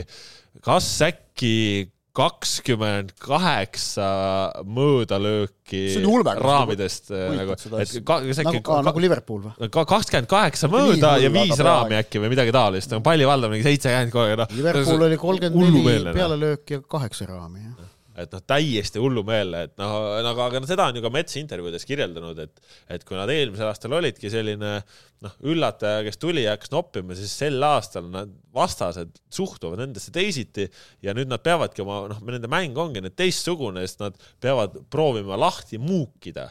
Ja, ja noh, kui sa lapid kakskümmend korda rohkem pea, nagu väravast no, lihtsalt mööda, noh, siis, siis ongi aga, aga jah, et mm, no see, et Mets võttis väga kindla esikoha aasta jalgpalluri hääletusel, oli, oli meeldiv, et, et sellest on Eesti jalgpallis väga selgelt aru saadud, kuivõrd kõrgel tasemel ta iganädalaselt mängib ja, ja kuivõrd korralik saavutus see on, et ta sinna on, on jõudnud. aga mul on tunne, et see, et sarnaselt ähm, Ragnar Klavani hiilgepäevadele Bundesligas ma mõtlen seda aega, enne kui ta mängis äh,, enne kui enne Liverpooli minekut, kui ta veel Augsburgis mängis, siis ega toona Klaavani sellest tegelikust väärtusest ja ja kuidas öelda, suurusest ainult selles Augsburgi, Augsburgi eelviimane hooaeg, siis kui nad viienda koha said ja eurosarja jõudsid, siis jõudis see kohale, aga esimesed paar hooaega tegelikult väga ei, ei hoomatud, kuivõrd kõva vend ta on. kusjuures naljakas oli see, et, et äh, Klaavan läks ju ka Augsburgi, siis kui Augsburg oli seal noh, selline püsimajäämise nimel võitlejaks yeah. tabeli viimase otsa ka, et noh, ei tea, sinna Bundesliga tagumisse otsa, et kas ta seal üldse mängidagi saab või et, et võib-olla on ikka hüpe üle enda varju või oleks võinud ikka minna kuhugi, kus ikka kindlalt mängib. äkki seal Holland, mis seal Hollandis viga on? Hollandis juba vaata, eks kõik siin meistriks juba tulnud ja kõik nagu, eks ole, sisse töötanud, et seal ikka nagu hea kindel ja kõik sihuke, no siis sa ei jõuagi Liverpooli välja, kui sa nagu selliseid mm. häid kindlaid valikuid teed. või siis oleks jätnud Augsburgist Liverpooli minemata võib-olla näiteks, eks. kuule ei tea, äkki ei saa mängida ikka, äkki ei lähe. aga nende üleminekute puhul on nii, nii, nii Klaavan Augsburgi kui ka nüüd Mets St Paulisse, tegelikult ka Klaavan noh, Klaavan Liverpool ilmselt oli natukene teistmoodi, et seal, seal Klopp väga täpselt teadis, et ta ostab endale noh, nii-öelda vahetuskaitsja. aga nii Klaavan Augsburgi kui Mets St Paulisse, mõlemal puhul oli väga oluline see, et esimesed esitused õnnestusid. ja sellega äh, nende esimeste võtmeesitustega tsementeeris endale usalduse, tsementeeris koha põhikoosseisus ja nüüd on sellest kinni hoidnud mm.. see juhtus Klaavaniga Augsburgis, ta võitis toonase peatreeneri Markus Weinzierli usalduse kiiresti esimeste mängudega ja oli sest ajast saadik lõpuni välja Weinzierli kindel usaldusmees ja samamoodi äh, ka nüüd paistab, et äh, Mets St Paulis äh, peatreener Hürtselleriga ja, ja kui me, kui me see usalduse võitmine, vaata see isikliku sideme tekitamine tolle peatreeneriga, see on üliülioluline ja me oleme näinud ju väga-väga sageli, kuidas Eesti jalgpallurid ohkavad noh, niimoodi nukralt, et pagan, jõudsin just tulla, ei tähendab, see, see treener, kes mu klubisse tõi, sai kinga, läks ära, mis iganes, ja see on muutnud koheselt kogu seda kaartide seisu, sisemist pilti, jõudude tasakaalu ja läheb tuksi. see on nagu kõige õnnetum näide, et seda tõesti on juhtunud palju Eesti mängijatega. meil on seda juhtunud tegelikult kõigile. aga tegelikult kõigile, lihtsalt noh, me näeme, eks ole, seda nagu, aga on nii läinud nagu, eks ju, tundub nagu hea üleminek, siis vahetub treener ja siis on nagu kõik. aga on ka seda, et, et ei vahetu treener. Ja siis on ikka sihuke, et, et ei tea, et treeneriga nagu ei räägi ja ma, ma ei suhtle nagu niimoodi ja ei oska nagu kuidagi noh, ei ole klappi. ja on muidugi ka neid, kes räägivad, kui jõle hea klapp on ja siis kaks kuud on möödas ja vend on läinud sealt klubist. et äh, nagu see on kõik nüüd see ka, millest räägitakse, et kui sa lähed välisklubisse, siis noh, nagu töö algab, eks ole, kõik see, et see, see on ka kõik see, mida see, iga päev võitled oma koha eest, eks ole, ja ega see ei tähenda, et sa käid iga päev peatreeneriga rääkimas, umbes, et kuule, et on ju, sa usaldad mind, et ikka päris hea vend olen. paned järgmine kord ka, paned väga hea ja ma usaldan sind ka.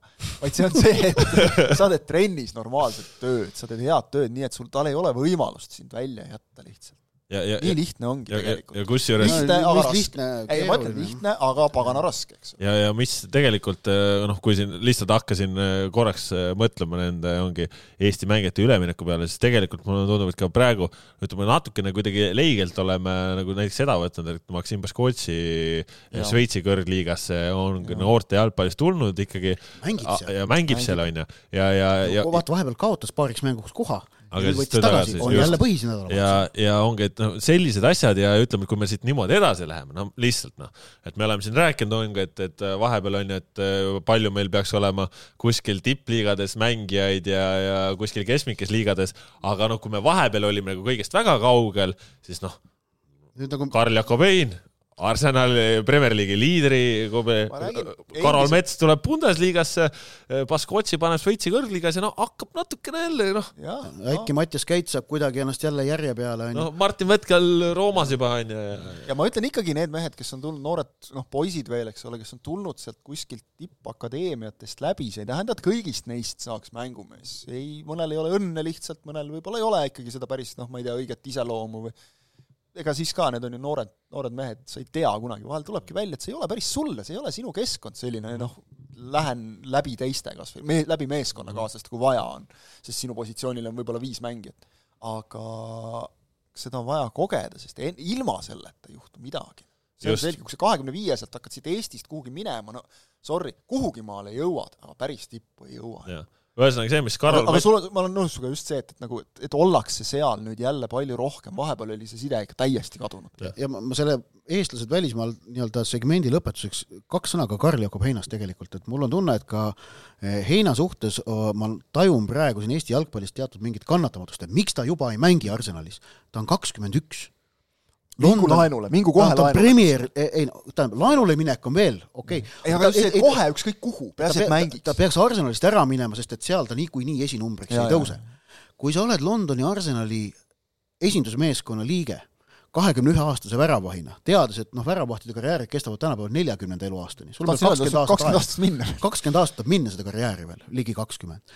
siis äh, noh, Arsenali, tähendab, e-, e-, eks aus on öelda, et ega, ega Heina šanss Arsenali esiväravahiks saada ei ole suur, aga see šanss on väga-väga-väga palju parem peaaegu kõigist maailma väravavahtidest, sellepärast et ta on juba selles Arsenali satsis sees, ta võib, noh, võivad juhtuda sündmused, et ta saab mingi võimaluse, et ta saab ennast tõestada, võib-olla ta ei saa, siis tuleb oodata, ehm, aga näiteks hea näide ootamisest on ka Emiliano Martinez, kes ootas Arsenalis ikkagi pikalt oma võimalust, käis väga palju laenudel lõpuks, kui ta nägi, et tal seda esivärava juhatust ei antud, siis ta, nüüd oli ta juba kahekümnendate lõpus, kui ta läks, on ju, Aston Villasse. aga tähendab, see mitte esiväravahi staatuses olemine tippklubis on tegelikult ikkagi väga kõva sõna. ja mis on üks asi veel, äh, ta on praegu Inglismaa kõrgliiga liidri äh, kolmas väravavaht ja ta ei ole inglane. ehk siis ta on noor, aga ta on mujalt. ehk siis tema ta... talenti suhtutakse väga äh, no, suure austusega no,. tal oli suur rivaal ju seal noortesüsteemis, Artur Okonkwo, kes oli inglane, kes oli veel mustanahaline, mis ta noh, mis aeg-ajalt võib mingeid asju mõjutada, ütleme, selles küsimuses mõnevõrra tundlikus Inglismaa ühiskonnas. Ja noh, Hein mängis Okonkwo lihtsalt igas noorteklassis pingile üle ja lõpuks klubist minema ja Hein on esindusvõistkonna liige, et see, see, seda tasub meeles pidada, et meil on vaatan, et Wojciech Šesni läks ka tegelikult ikkagi Itaaliasse, okei okay,, algul noh, kaheks aastaks laenule Roomasse, siis juba Juventusesse, aga ta läks ikkagi võrdlemisi noh, nagu küpses eas nagu, et tiksus seal Arsenalis nagu muidugi, muidugi Hein okei okay,, siis ta mingil hetkel sai, eks ole, nagu põhimeheks ja. nagu, eks ole. muidugi Hein vajaks mängupraktikat ja muidugi Hein vajaks mängupraktikat rohkem, kui ta seda praegu saab. Äh, ja aus on öelda ka seda, et Hein on Arsenali jaoks väga mugav valik kolmandaks väravahiks seeläbi, et neil on mängiv kolmas väravaht, kuna Hein saab igal aastal kümme korralikku võistlusmängu Eesti koondise eest. ehk et neil on olemas äh, võistlusmängu praktikaga kolmas väravaht, see on luksus, mida omavad väga vähesed klubid üldse Äh, et, et, et noh, ja, ja Heina jaoks see olukord on selles mõttes keeruline, et jah, ilmselt ta, muidugi ta tahaks rohkem mänguaega saada, aga sellest Arsenalist äratõttamine, äh, see, sellega ei ole kiiret, sellega ei ole üldse kiiret, üldse ei ole kiiret. aga kokkuvõttes Karol Mets, super töö, nii jätkata. järgmine teema, mis siit edasi võtame, on ikkagi kõige sellega seotud, millest me praegu ka natukene rääkisime, ehk siis Eesti koondis ja, ja Eesti koondise aasta on olnud, ütleme siis palju kõneainet pakkuv, see, kuidas me kevadet alustasime, kuidas me veel suve hakul olime, lootused väga kõrged, võibki öelda väga kõrged. Ja siis, kuidas sügisel kõik järsku lagunes, kaardimaja kukkus kokku ja siis, kuidas äh, ütleme siis sügise äh, viimases faasis toimus siis äh, uue noorema põlvkonna pealetulek ja mingisugused positiivsemad noodid ja me oleme siis aasta lõpuks jällegi olukorras, kus meil on võimalik siis uuel aastal minna püüdma pääset EM-finaalturniirile. Ehk siis väga selline Ameerika mägelik aasta üles-alla ja, ja nüüd siis Toomas Häberliga jätkates äh, Jürgen Henn, Joel Lindberg uute abitreeneritena me oleme väga niisugusel ootel, aga, aga me nägime, et, et koondise mõttes võib kõik käia ikkagi väga kiirelt ühtepidi uppi ja nüüd siis loota, et ka teistpidi samamoodi jälle üles. see on see koondise häda, eks ole, et äh, sa teed noh, ütleme siis toome lihtsalt nagu näite, teed septembris kaks halba mängu, siis see püsib kuu aega. klubi jalgpallis on noh, see on, see võib olla üks nädal. ja sul tuleb järgmise nädalaga tuleb kaks mängu peale juba kuskil, ma ei tea, eurosarjas ja mm., ja kus iganes, eks ole, ja juba on meelest läinud. et see, see minu meelest on see üks, üks põhjuseid ka, miks nagu noh, see, see asi on nagu üleval. ja noh, eks teda nagu hoiti ka üleval, kogu seda teemat, et, et noh, mingil põhjusel ma ei väida, see on nüüd jälle see, et kui sa ütled nagu ka, et noh, Eesti jalgpallis ei ole asjad nagu nii hullusti, kui, kui nagu räägitakse, siis lendab, lennatakse kohe kiiresti peale, et mis hästi on sinu meelest või? ei ole hästi. väga paljud asjad võiksid olla väga palju paremini. aga no nii halvasti ka ei ole. et vahepeal oli niisugune tunne, et noh, meil nagu noh, kõik on pekkis. Noh. Kõik, keegi, keegi ei oska ja treenerid on lollid ja mängijad on kaikad ja, ja keegi ei oska mitte midagi. Vaata, mis on Eesti jalgpalli esindusüksus, on meeste A-koondis. ja siis tuleb väga-väga-väga palju tühja maad ja, ja see... siis äh, tuleb vaat kõik muud. Aga... see ongi minu meelest see häda, et meil nagu defineeritakse natukene liiga palju Eesti jalgpalli üldist seisu läbi A-koondise, mõnes mõttes on see loomulik, sest A-koondis noh, peaks nagu kujutama või, või ütleme siis nagu A-koondise kaudu väljendub see meie kõrgeim tase. aga jällegi võib-olla ka natuke see, mida me rääkisime eurosarjadest, eks ole, alagrupp oli meil selline, et noh, tegelikult nagu mängud Austria vastu olid mõnes mõttes nagu, olid, olid ju selgelt nagu, mitte mõnes mõttes, olidki nagu selgelt nagu paremad, kui me korralikud arvasime, korralikud mängud. me kartsime nagu, et noh, sealt ka, kui sa vaatad objektiivselt, Austria ei ole jalgpallis nii suur nimi kui on isegi seesama Rootsi, kellest nad näiteks selgelt jagu said, aga me, meil nagu, me eeldasime, et, et noh, Belgia vastu läks oodatult, Rootsi vastu läks oodatust selgelt kehvemini, Austria vastu oodatust natukene paremini, Aserbaidžaani vastu oodatust äh, selgelt kehvemini. selgelt kehvemini, aga ütleme, aserid olid nagu ainsad, kelle vastu noh, oli, oli põhjust loota või ütleme, eeldada, et me võiksime neid kahes mängus võita. või kahe mängu kokkuvõttes isegi peale jääda. edestada. edestada, ütleme siis niimoodi, jah. ja ei tulnud välja seekord. ja minu, minu jaoks nagu, mis, mis nagu on alati nagu noh, oluline ka, eks ole, on see, et, et kui me oleksime alustanud näiteks kehvasti meenutame meie seda kõige edukamat valiksarja ju ka, eks ole, kus me no sinna sisse jäi ju täielik katastroof. täielik katastroof. madal punkt. väga madal punkt. ja, ja lõpuks noh, seda nagu ei mäletagi keegi enam. ehk väga oluline on see, et, kus sa alustad, kus sa lõpetad. praegu me alustasime hästi. tahad sa öelda ka nendele, kes ei mäletanud, mis seal oli? no võiks mäletada ju. null-kaks kaotus Fääri saartele. Fääri saartele, võõrsil. õudus, eks ole. see oli omapärane, jah ja tagasiteel väidetavalt olla lennukist löömaks läinud peaaegu. ei läinud, ei, ei läinud, aga väidetavalt, ma räägin, linnalegend on ju alati küll aga, küll aga seal lennukis äh, oli siis mängijad istusid ees, noh äh,, Charterland äh,, kardin oli vahepeal, taga olid siis ajakirjanikud ja ka fännid, et, et noh, charteri kulusid tagasi. kalurid ja postiljonid fännid, fännid võtsid just nimelt kuldse trio selle Kes ei tööta, see ei söö laulu üles seal, aga no, üks, no, üks, üks mängu... koondise mängija vist ikkagi natukene nagu pahandas või? Pahandas ka, nagu ma olen okay., et natuke tuli teda seal nagu veenda, et ära, ära mine sinna kardina taha. aga okei okay,, see selleks, nali naljaks, no ja oli põhjust, eks ole, oli põhjust mängu, ja arusaadav. pärast mängu oli ikkagi see ka omapärane kaader, et või mis kaader, vaatepilt, kuidas Fääri saarte riietusruumi tassiti suure, sellise rõhutatult kõlina saatel kaks kasti õlut sisse. näha, see oli kena, mõnus külm õlu ja siis noh, mulle tunne, et see tassija, see nagu meelega kolistas, et eestlased kuuleksid et kuidas seal tähistama hakatakse. see on nagu see klassika, eks ole, et, et kui eh, see eh, riietusruumis võiduring ära tehakse, siis oli see, et jäta see uks lahti sealt on nähtud ka Eesti klubide puhul, ütleme, ära pane, las ta praegu olla, pärast võit siis, kui mehed hakkavad duši alla minema. aga ühesõnaga, kuhu ma tahtsin jõuda oma jutuga, oli see, et äh, me lootsime palju. Ja tegelikult äh, aasta algus andis nagu põhjust loota ka, aga minu meelest jällegi lagunes, vahel võib laguneda väga väikestest asjadest, lagunes ära seesama, samal põhjusel, et kukkus meil ära Sappinen, ehk rünnaku teravikku, sellist ei olnud. Äh, kaitsva poolkaitsega oli selgelt probleeme ikkagi, ehk olgem ausad, kaks suhteliselt Eesti koondise puhul nagu võtmepositsiooni, eks ole. no ja kui me mõtleme olulistes mängudes äh, olid, oli puudu nii Karol Metsa kui Joonas Tamme. ja, ja. ja Aserbaidžaani mäng meie, kodus jah, kumbagi ei olnud. meie pink ja võõrsil ei olnud Tamme. just mm, -hmm. ja meie pink süvitsi, eriti nagu selle just nagu tipu osas, see püramiid on noh, ütleme seda, see alumine kiht ei ole nii tugev. ei ole nii, nii lai see püramiidi põhi, et et, et me saaksime ka siis, muidugi me oleks võinud ka selles olukorras mängida palju paremini muidugi on ka kindlasti olukordi, kus Toomas Häberile saab äh, asju ette heita. on olukordi, kus saab mängijatele mingit suhtumist ette heita, et noh, see, kas sa kaitses nagu lähed vastasele korralikult oma mehega kaasa või mitte, mitte, kas sa lähed mehega kaasa või mitte, kindlasti neid asju saab paremini teha. aga et see nüüd noh, nagu nii õudne katastroof oleks või noh, ongi see, et teistpidi võttes, et kui siis on nagu paar mängu, kus noored saavad peale, et siis on järsku hästi kõik. no ei ole ju tegelikult. saab ka paremini mm. alati, eks ole et ei ole, ei ole nii mustvalge kogu see asi, eks ole, et, et see, see on asi, mis mind isiklikult natukene noh, nagu otse öeldes väsitab Eesti jalgpalli käsitluse puhul. et kui sa ütled, et midagi oli hästi, siis küsitakse, et oota, mis sinu arust siis ongi nagu kõik korras või?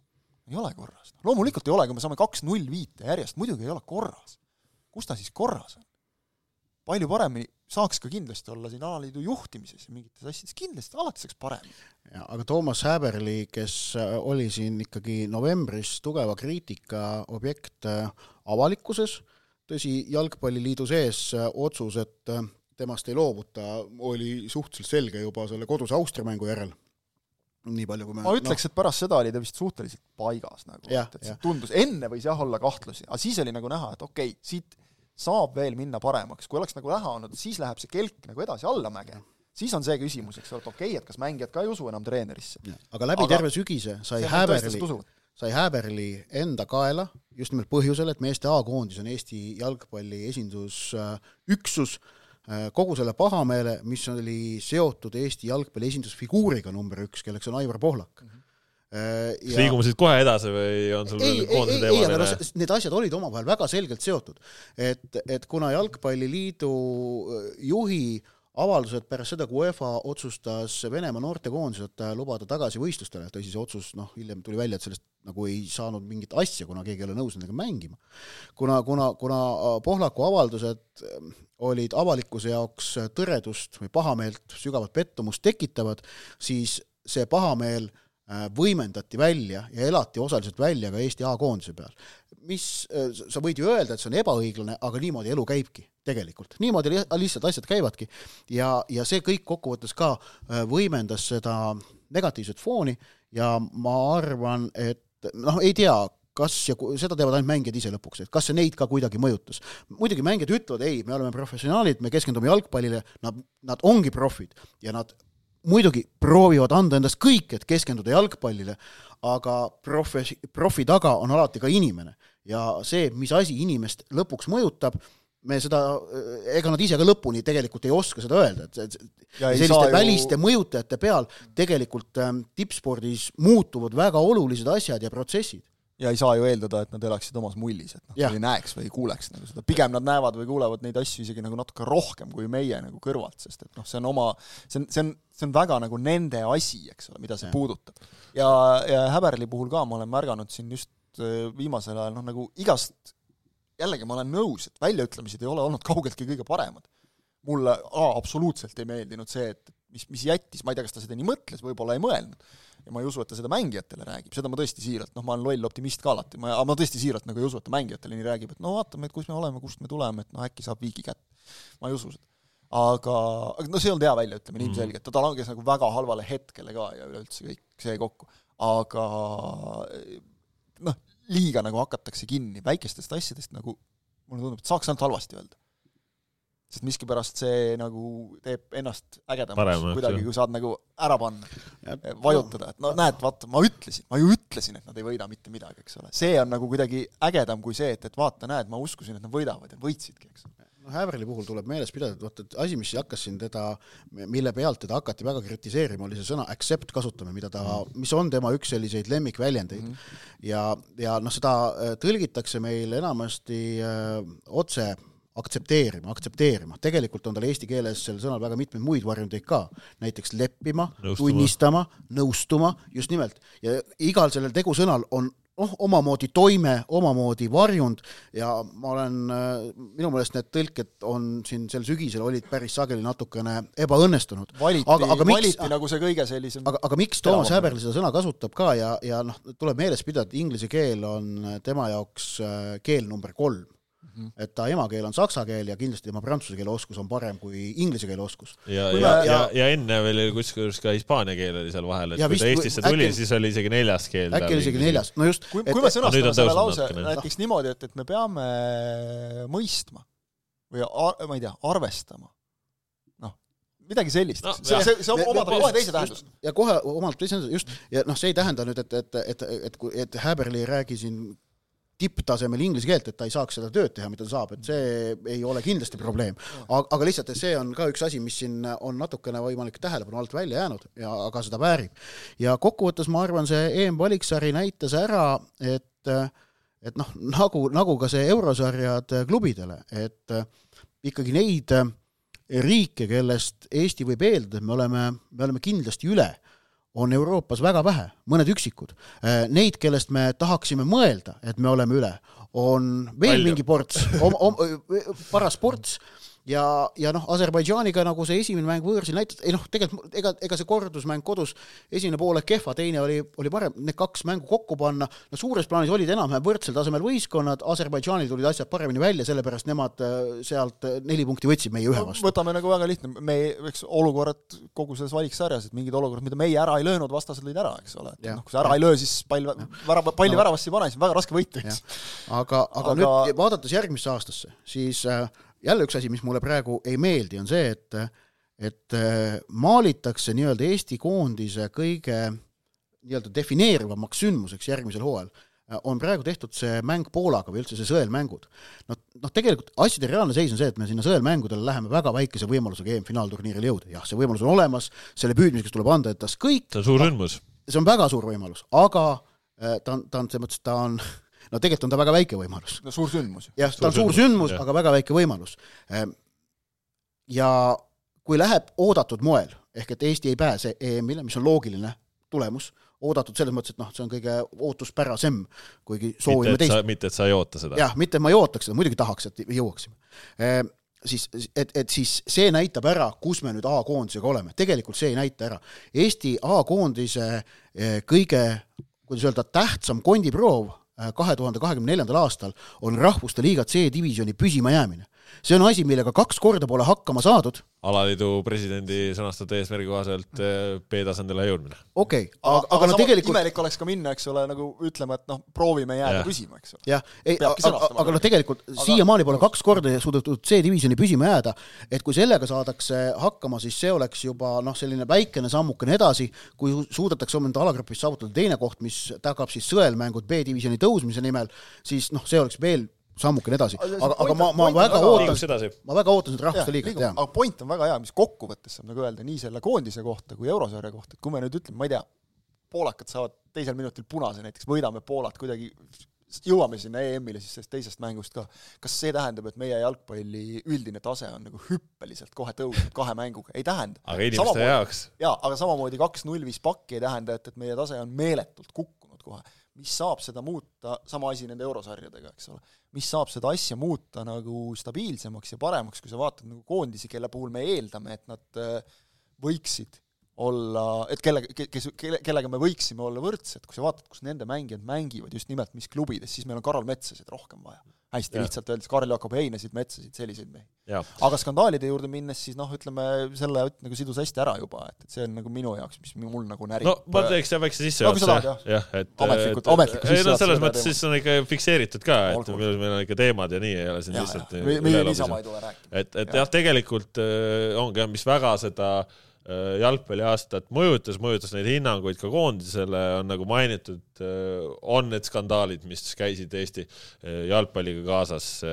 alustame siis aasta algusest ja, ja pildiskandaalist onju ja siis jõuame siia sügisesse ja jõuame jõuame siis selle UEFA otsus, Poolaku sõnavõtt ja siis kogu see aplaava, mis, mis läks käima, ehk siis me kokkuvõttes räägime praegu tegelikult sellest, kui äh, võimast äh, positsiooni äh, Eesti jalgpall Eesti ühiskonnas omab, et ta läheb korda. ma toon siia lihtsalt kiire remark võrdlusena, enne kui me saame teemasse sisse minna. mis oli eelmisel nädalal, Rock lubas venelased ja valgevenelased olümpiamängudele. kus on teema? kus on teema? meil oli nagu see, et jalgpallikoondis võib mängida venelastega, oli kõik plahvatas. ja praegu noh, ma ei tea, Tanel Tein oli vist kriitiline. Eesti kakssada võttis ja kriitiline, Toomas, Toomas Uibo ka. mingid inimesed olid, onju, aga, aga kus on nüüd siis see, mis toimus, et no kui reaalsuses, kui meil on praegu, me räägime sellest, meil on ju nagu olümpiamängudel potentsiaalne pildiskandaal pildiskandaali otsa, et kui eestlased on venelastega kõrvuti, noh. ei no tähendab, ma no. tuletan meelde, et Eesti sportlased on ju ka praegu erinevatel rahvusvahelistel võistlustel venelastega võistelnud, tennisistid on mänginud äh, ja ka muudel aladel on vastamisi mindud. siin see väikene juriidiline erinevus on, et Rahvusvaheline Olümpiakomitee on kogu, mille liige Eesti tegelikult ei ole. Need inimesed, kes seal otsuseid vastu võtsid ja riigid, äh, tähendab, seal ei olegi riike, seal on füüsilistest isikutest liikmed, kelle seas pole mitte ainsatki eestlast UEFA on äh, organisatsioon, kus Eesti Jalgpalliliit on liige. Eesti Olümpiakomitee, Rahvusvahelise Olümpiakomitee saalis kätt tõstmas ei ole. aga UEFA enda otsuse tegi ju nii kõrgel tasandil, et isegi seal no. ei teadnud ju UEFA see osakondade no, need inimesed ei teadnud, et siuke otsus ja, tuleb. aga no ma arvan, siin on ka see, et, et vaata, et see Rahvusvahelise Olümpiakomitee otsuse ei olnud mitte ühestki otsast üllatav igalt poolt oli ju näha ja tunda, et Toomas Pachi juhtimisel see otsus tehakse. aga see ei tähenda, et me peaksime suhtuma sellesse nagu väga okeilt, normaalselt ju? no aga tähendab, mida seal parata on, ma küsin vastu no, seal see, ei ole, seal ei ole midagi aga parata. kui me oleme Ärme... nagu sama reljeefsed kogu aeg, kui me oleme reljeefsed, väike... et meie, meie väärtustega jaa, see ei sobi, onju. üks siis... väike nüanss muidugi, mis on, on see, eks ole, et, et koondised nagu olümpiale ei, ei saa ja aga, aga siin on ka see, et vaata, Eesti Olümpiakomitee on, on koheselt välja öelnud, nemad on väga pettunud selle otsuse osas, nad on moodustanud Põhjamaadega ühisrinde.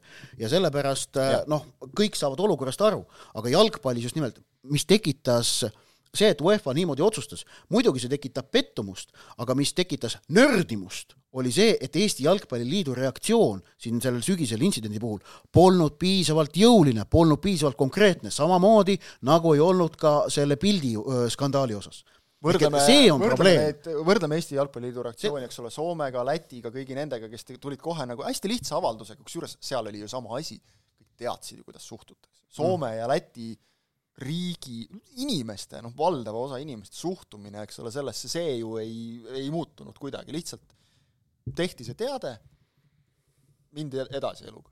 ja siin on minu meelest see kõige suurem, noh, koer on maetud nagu siia, et pildiskandaal kindlasti me leiaksime samamoodi, nagu sa praegu tõid näite, samasuguseid võrdlusi mm. veel ja veel, eks ole, et, et noh, on neid, kes on siin käinud äh, seal Venemaal, ma ei tea, kontserte andmas ja, ja esinemas, eks ole, ja, ja sellest on tõmmatud noh, nagu teema ikkagi üles, eks ole, kindlasti on ka neid, kes on seal käinud ja see, keegi pole märganudki seda üldse, eks ole. Äh, samamoodi nüüd see UEFA otsus, sellele reageerimine, veel mingid muud otsused hästi väikse asjana ma toon siia sisse lihtsalt siin nagu mustrisse nagu sobib ka see, et, et minu meelest ka kui siin premium-liigat on nagu kirutud nii ja naapidi, et millal me mängime ja mis kuidas see hooaeg on ja kõik, probleem on jäänud kommunikatsiooni taha, puhtalt nagu selle taha, et, et sa, sa, sa nagu seal takerdud kuskil. et see, kui sa seal ei suuda nagu ja, ja ütleme, selline olukord nagu sõda Ukrainas nõuab konkreetsemaid väljaütlemisi võrreldes tavaolukorraga. mind see nagu siiralt on üllatanud, et seda ei ole äh, sellele ei ole pihta saadud, mulle tundub, et kas nagu noh, äkki nüüdseks juba on lõpuks, aga nagu väga-väga pikalt, et ei olegi saadud nagu aru sellest, et et see on seal tähtis, sa pead tulema väga lihtsa esialgse sõnumiga välja, siis sa jõuad neid nüansse lihvida ja selgitada juba. aga kui sa selle esimese reaktsiooni jätad tegemata, siis seda džinni pudelisse tagasi toppida on juba väga-väga keeruline. nagu me siin kui see sügisene juhtum oli, ka rääkisime, et, et miks Eesti Jalgpalliliidult ei tulnud seda jõulist reaktsiooni, siis no ilmselt Aivar Pohlak kalkuleeris ja äh, ei tahtnud minna UEFA juhtkonnaga no selgelt ei tahtnud minna konflikti, sest nad vaid... said aru, et seda ei toimu, onju, et seda, et see ei juhtu, noh, lihtsalt UEFA läks nädala, UEFA läks nädal aega aega ja siis tuligi UEFA teade, et nagu seda ei juhtu. ma väidan, et sama olukord oli Lätis, oli Soomes, oli igal pool mujal. seal, seal otsustati teisiti, et nad lähevad konflikti mm. -hmm. Eestis Pohlak otsustas, et ta ei lähe ja nüüd on see, et ta, ta noh, oleme ausad, ega, ega Aivar Pohlak on võimekas strateeg, et ta, ta loodab selle mingil hetkel ilmselt kuidagi Eesti jalgpalli jaoks äh, nii-öelda sisse kasseerida, selle võla. jah, aga tulemus on, eks ole, see, et äh, noh avalik usaldus Eesti, Eesti jalgpalli suhtes äh, just, kannatas tohutult, jah. et, et see oli, see oli see probleem ja noh, tegelikult kui see, kui nüüd minna selle varasema ehk et tegelikult ja isegi ma ütleks suurema juhtumi, mis oli see pildi, pildiskandaal juurde, hea nimi, pildiskandaal, et noh, meil on kaks, Eestis, Eesti ajaloos on kaks fotoskandaali, see, kui Savisaare pilti tulistati ja see, kui Valeri Karpin siin Eesti koondislastega poseeris. hakkab klassikaks muutuma. aga kahekümne aasta pärast järgmine. aga, aga see oli ka, et ikkagi klassikaline näide kommunikatsiooniämbrist. see, see, ma arvan, kirjutatakse kommunikatsiooniõpikutesse sisse. ma usun, et on seal juba jah. jah, kuidas, kuidas ikkagi, et noh, et tegu ja ja selline noh, siiras ka-, kui teole järgneb siiras kahetsus, siis tegelikult sportlastele antakse need üldiselt andeks. võtame näiteks, et mik-, miks ollakse jätkuvalt pettunud äh, minu meelest Andrus Veerpalus, on see, et ta pole, ta pole tulnud ja ära rääkinud, mis tegelikult oli. see on see asi, mis, mis tekitab seda kihva aga, aga ka need sportlased, kes on dopinguga vahele jäänud ja on, on, on näiteks asjad ära rääkinud või kes on sohiga vahele jäänud, ega, ega Lance Armstrong on tegelikult Karel Tammjärvega ei ole praegu mingit probleemi nagu. no sellist probleemi ei ole, jah. okei okay,, ta ei olnud ka nii suur staar, eks ole. jah, et aga, aga näiteks Lance Armstrong, jah, tema see lunastus oli küll, tõsi küll, suuresti äriprojekt, aga ikkagi, Ben Johnsonist sai lõpuks äh, dopinguvastase võitluse ja vaata et isegi eestkõneleja. et selliseid näiteid on ka, et, et, et see ikkagi noh, kui, kui seda siirast kahetsust avalikkusele ei tule, siis äh, jäävadki üles küsimärgid ja, ja jällegi, et noh, Konstantin Vassiljev, kes oli selle seltskonna noh, selgelt kõige prominentsem tegelane, kes on Eestis ikkagi väga tähtis inimene.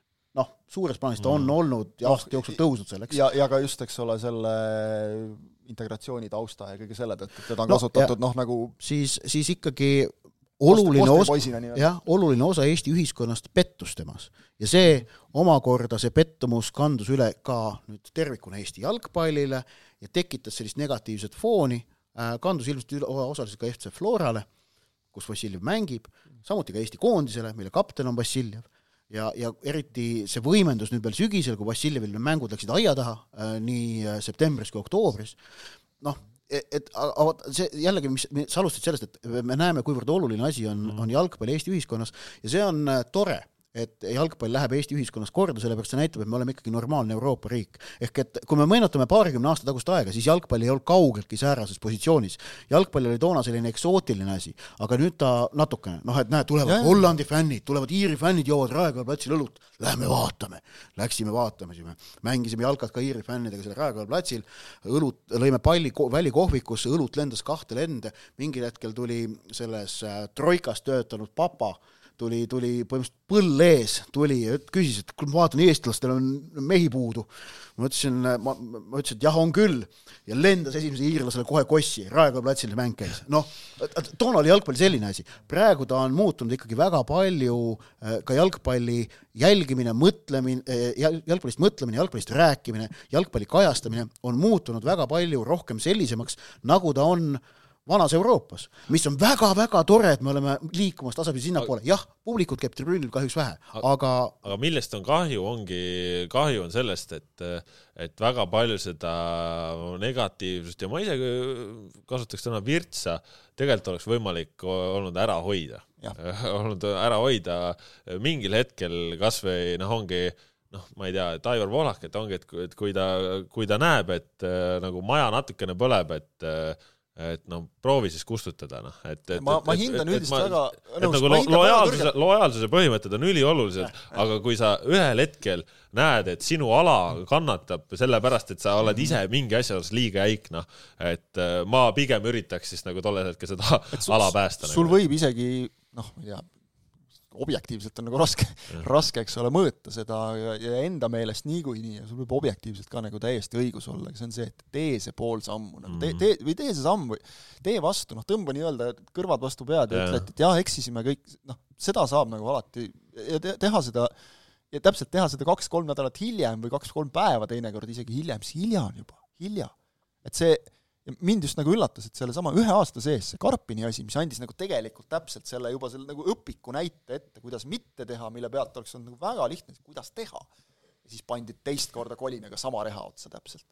et noh, jällegi ilmselt ei saadud aru, et sellest võib selline probleem tekkida, sest ongi tihti asja sees, sul on see, et aga me ju juba ütlesime aga vahel sa peadki ütlema mitu korda, sa peadki selgitama ja, ja kinnitama ja ja, ja minul on kahju sellest, et ma olen nõus täiesti Otiga, et tõesti jalgpall on väga olulisel kohal, sest noh, ebaolulistest asjadest ei, ei räägitaks, ei läheks inimestele korda. aga mul on väga kahju sellest, et mitte ainult nende kahe näite varal, vaid ka siin mingite muude asjade pealt, mis ikkagi nagu välja tulevad, noh igal aastal on jalgpalliga seoses nii palju mingeid jamasid, mingeid selliseid, keegi üritab kellelgi nahka üle kõrvade tõmmata, keegi, ma ei tea, noh, teeb klubi juhtimisel mingeid lollusi, siis keegi ei lase kedagi staadionil, noh, kogu aeg on mingi jama üleval nagu. mm.. tahaks nagu jalgpallist rohkem rääkida, nagu sellest, et kuidas mängitakse, kas või sellest analüüsida näiteks, miks Eesti klubid põrusid, eks ole, mitte kogu aeg rääkida sellest, et kui kehvad me jälle oleme ja, ja nagu saamatud ja et noh, võtame Pohlaku maha, siis läheb kõik paremaks. noh, see on, seda primitiivsust on ka nagu nii palju, või sedasama, seda mustvalge suhtumist mm. nagu, eks ole, et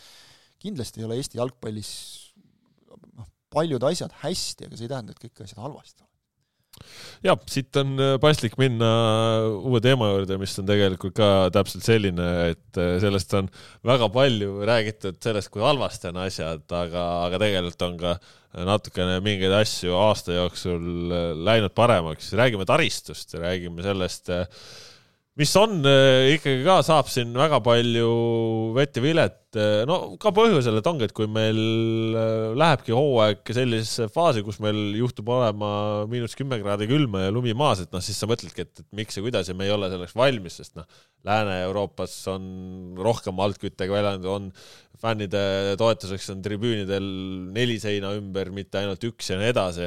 Ja, ja Kol kolm ikka, nelja äkki enamasti ei panda, et väljakut ikka näed ei no neli selles mõttes no,, et nagu staadioni, staadioni mõttes ah,, et ta on iga okay. külje peal nagu, et äh, et okay, on ta nagu yeah. maja ilma katuseta nii-öelda.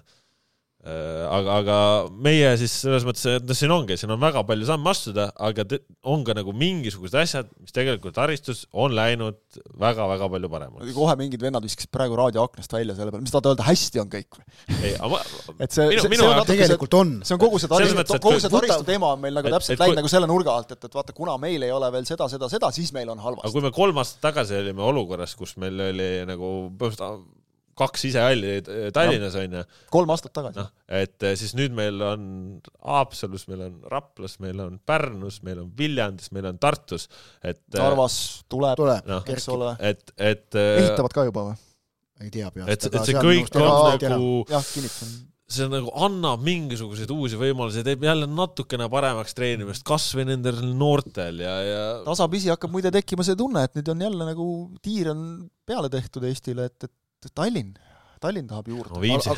aga no jah. Ja,, jah ja,, peaasi, et seal Viimsis jälle mingid kohalikud tuksi no, tegelikult. aga ka Tallinna sees ikkagi mõned jalgpalliarendused tekitavad siirast heameelt, et Tallinna Kalev paneb TTÜ-sse oma ja. halli püsti mina olen selle TTÜ staadioni juures poisina väga palju mänginud ja ütlen, et see on ainuõige, et see sta-, et see hall sinna pannakse, et see täiesti kasutuna seisnud objekt saab endale sisulise kasutuse spordiobjektina no,, milleks ta on ette nähtud. see mingi, vaata, sellest, vaata üks asi, millest ma ikka absoluutselt aru ei saa, ma ei saa aru nendest Eesti inimestest, kes on lihtsalt nagu totaalselt kettas, sellepärast et, et luuakse sportimisvõimalusi noortele täiskasvanu ükskõik, aga luuakse sportimisvõimalusi ja meil on nagu Hiiu tänaval on probleemid, meil on selle äh, Kalevi halliga nagu Viimsiga, Levadiaga nagu. mina saan, mina nagu saan väga spordi tegemine. see on igal pool Pärnus, Pärnus jäid ju minu meelest sinna Mai tänava väljakutel taheti ka mingisuguseid, siis on see prožektor paistab tuppa, eks ole okay.. ma saan, mina saan väga hästi neist aru, need on inimesed, kelle jaoks on mina ja maailm kõik, sinna okay., siin ei okay. ole rohkem midagi rääkida. aga, aga äh, ühesõnaga, Kalev saab endale halli püsti nii palju, kui me teame, Kalev on lahendanud oma erimeelsused äh, spordiseltsiga Kalev, ehk et nad peaksid ka nüüd äh, Kalevi staadioni juurde rajatud baasi saama hakata mõistlikult kasutama, mis on veel üks positiivne areng. Hiiu staadioniga läksid asjad küll venisid, äh, minu hinnangul mitte Jalgpalliliidu süül, vaid muude osapoolte tõttu eelkõige, aga see ka nüüd liigub seda staadionit ehitatakse ja ta on, ta on uueks hooajaks äh, valmis, valmis. Äh, siis no see esimesel tasandil selles mõttes, et nagu, et see ja. kogu projekt seal ja. peab juba linn ise ka tegema.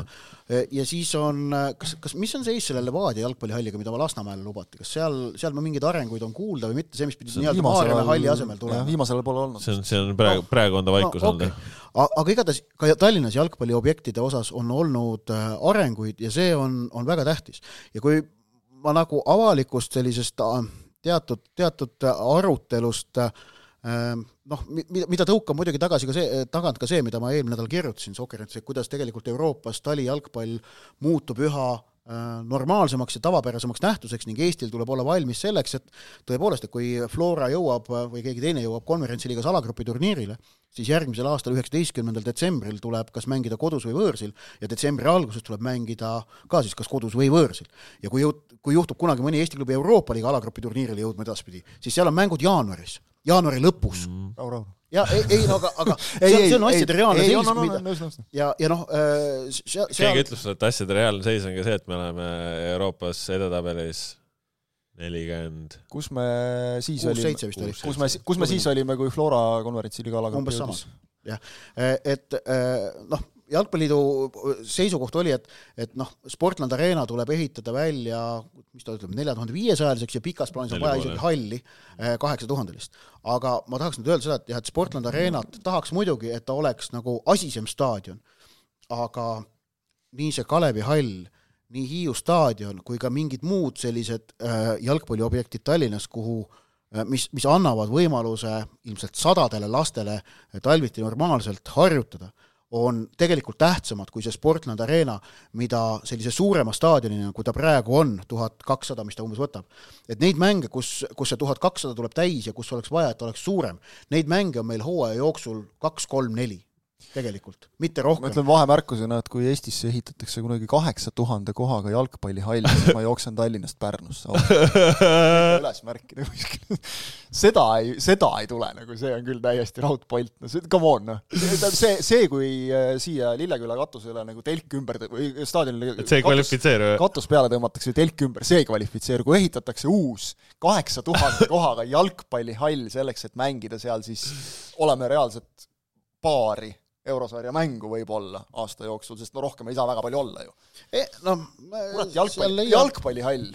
no aga s- talvisel ajal on seal, saad saad ka kaks jää, räägime- väljakut ja kossu ei, ja kas see on kaheksa tuhat või on see, või on see ei no publiku number kuna see, väiksem? ei, kuna see käidi välja lihtsalt, ma ütlen selle kohta Jah. konkreetselt. aga kuus tuhat ei lähe arvesse, ei jookse. võistlushall, ühesõnaga tegemist on adekvaatse võistlushalliga, mil, millest siis räägitakse.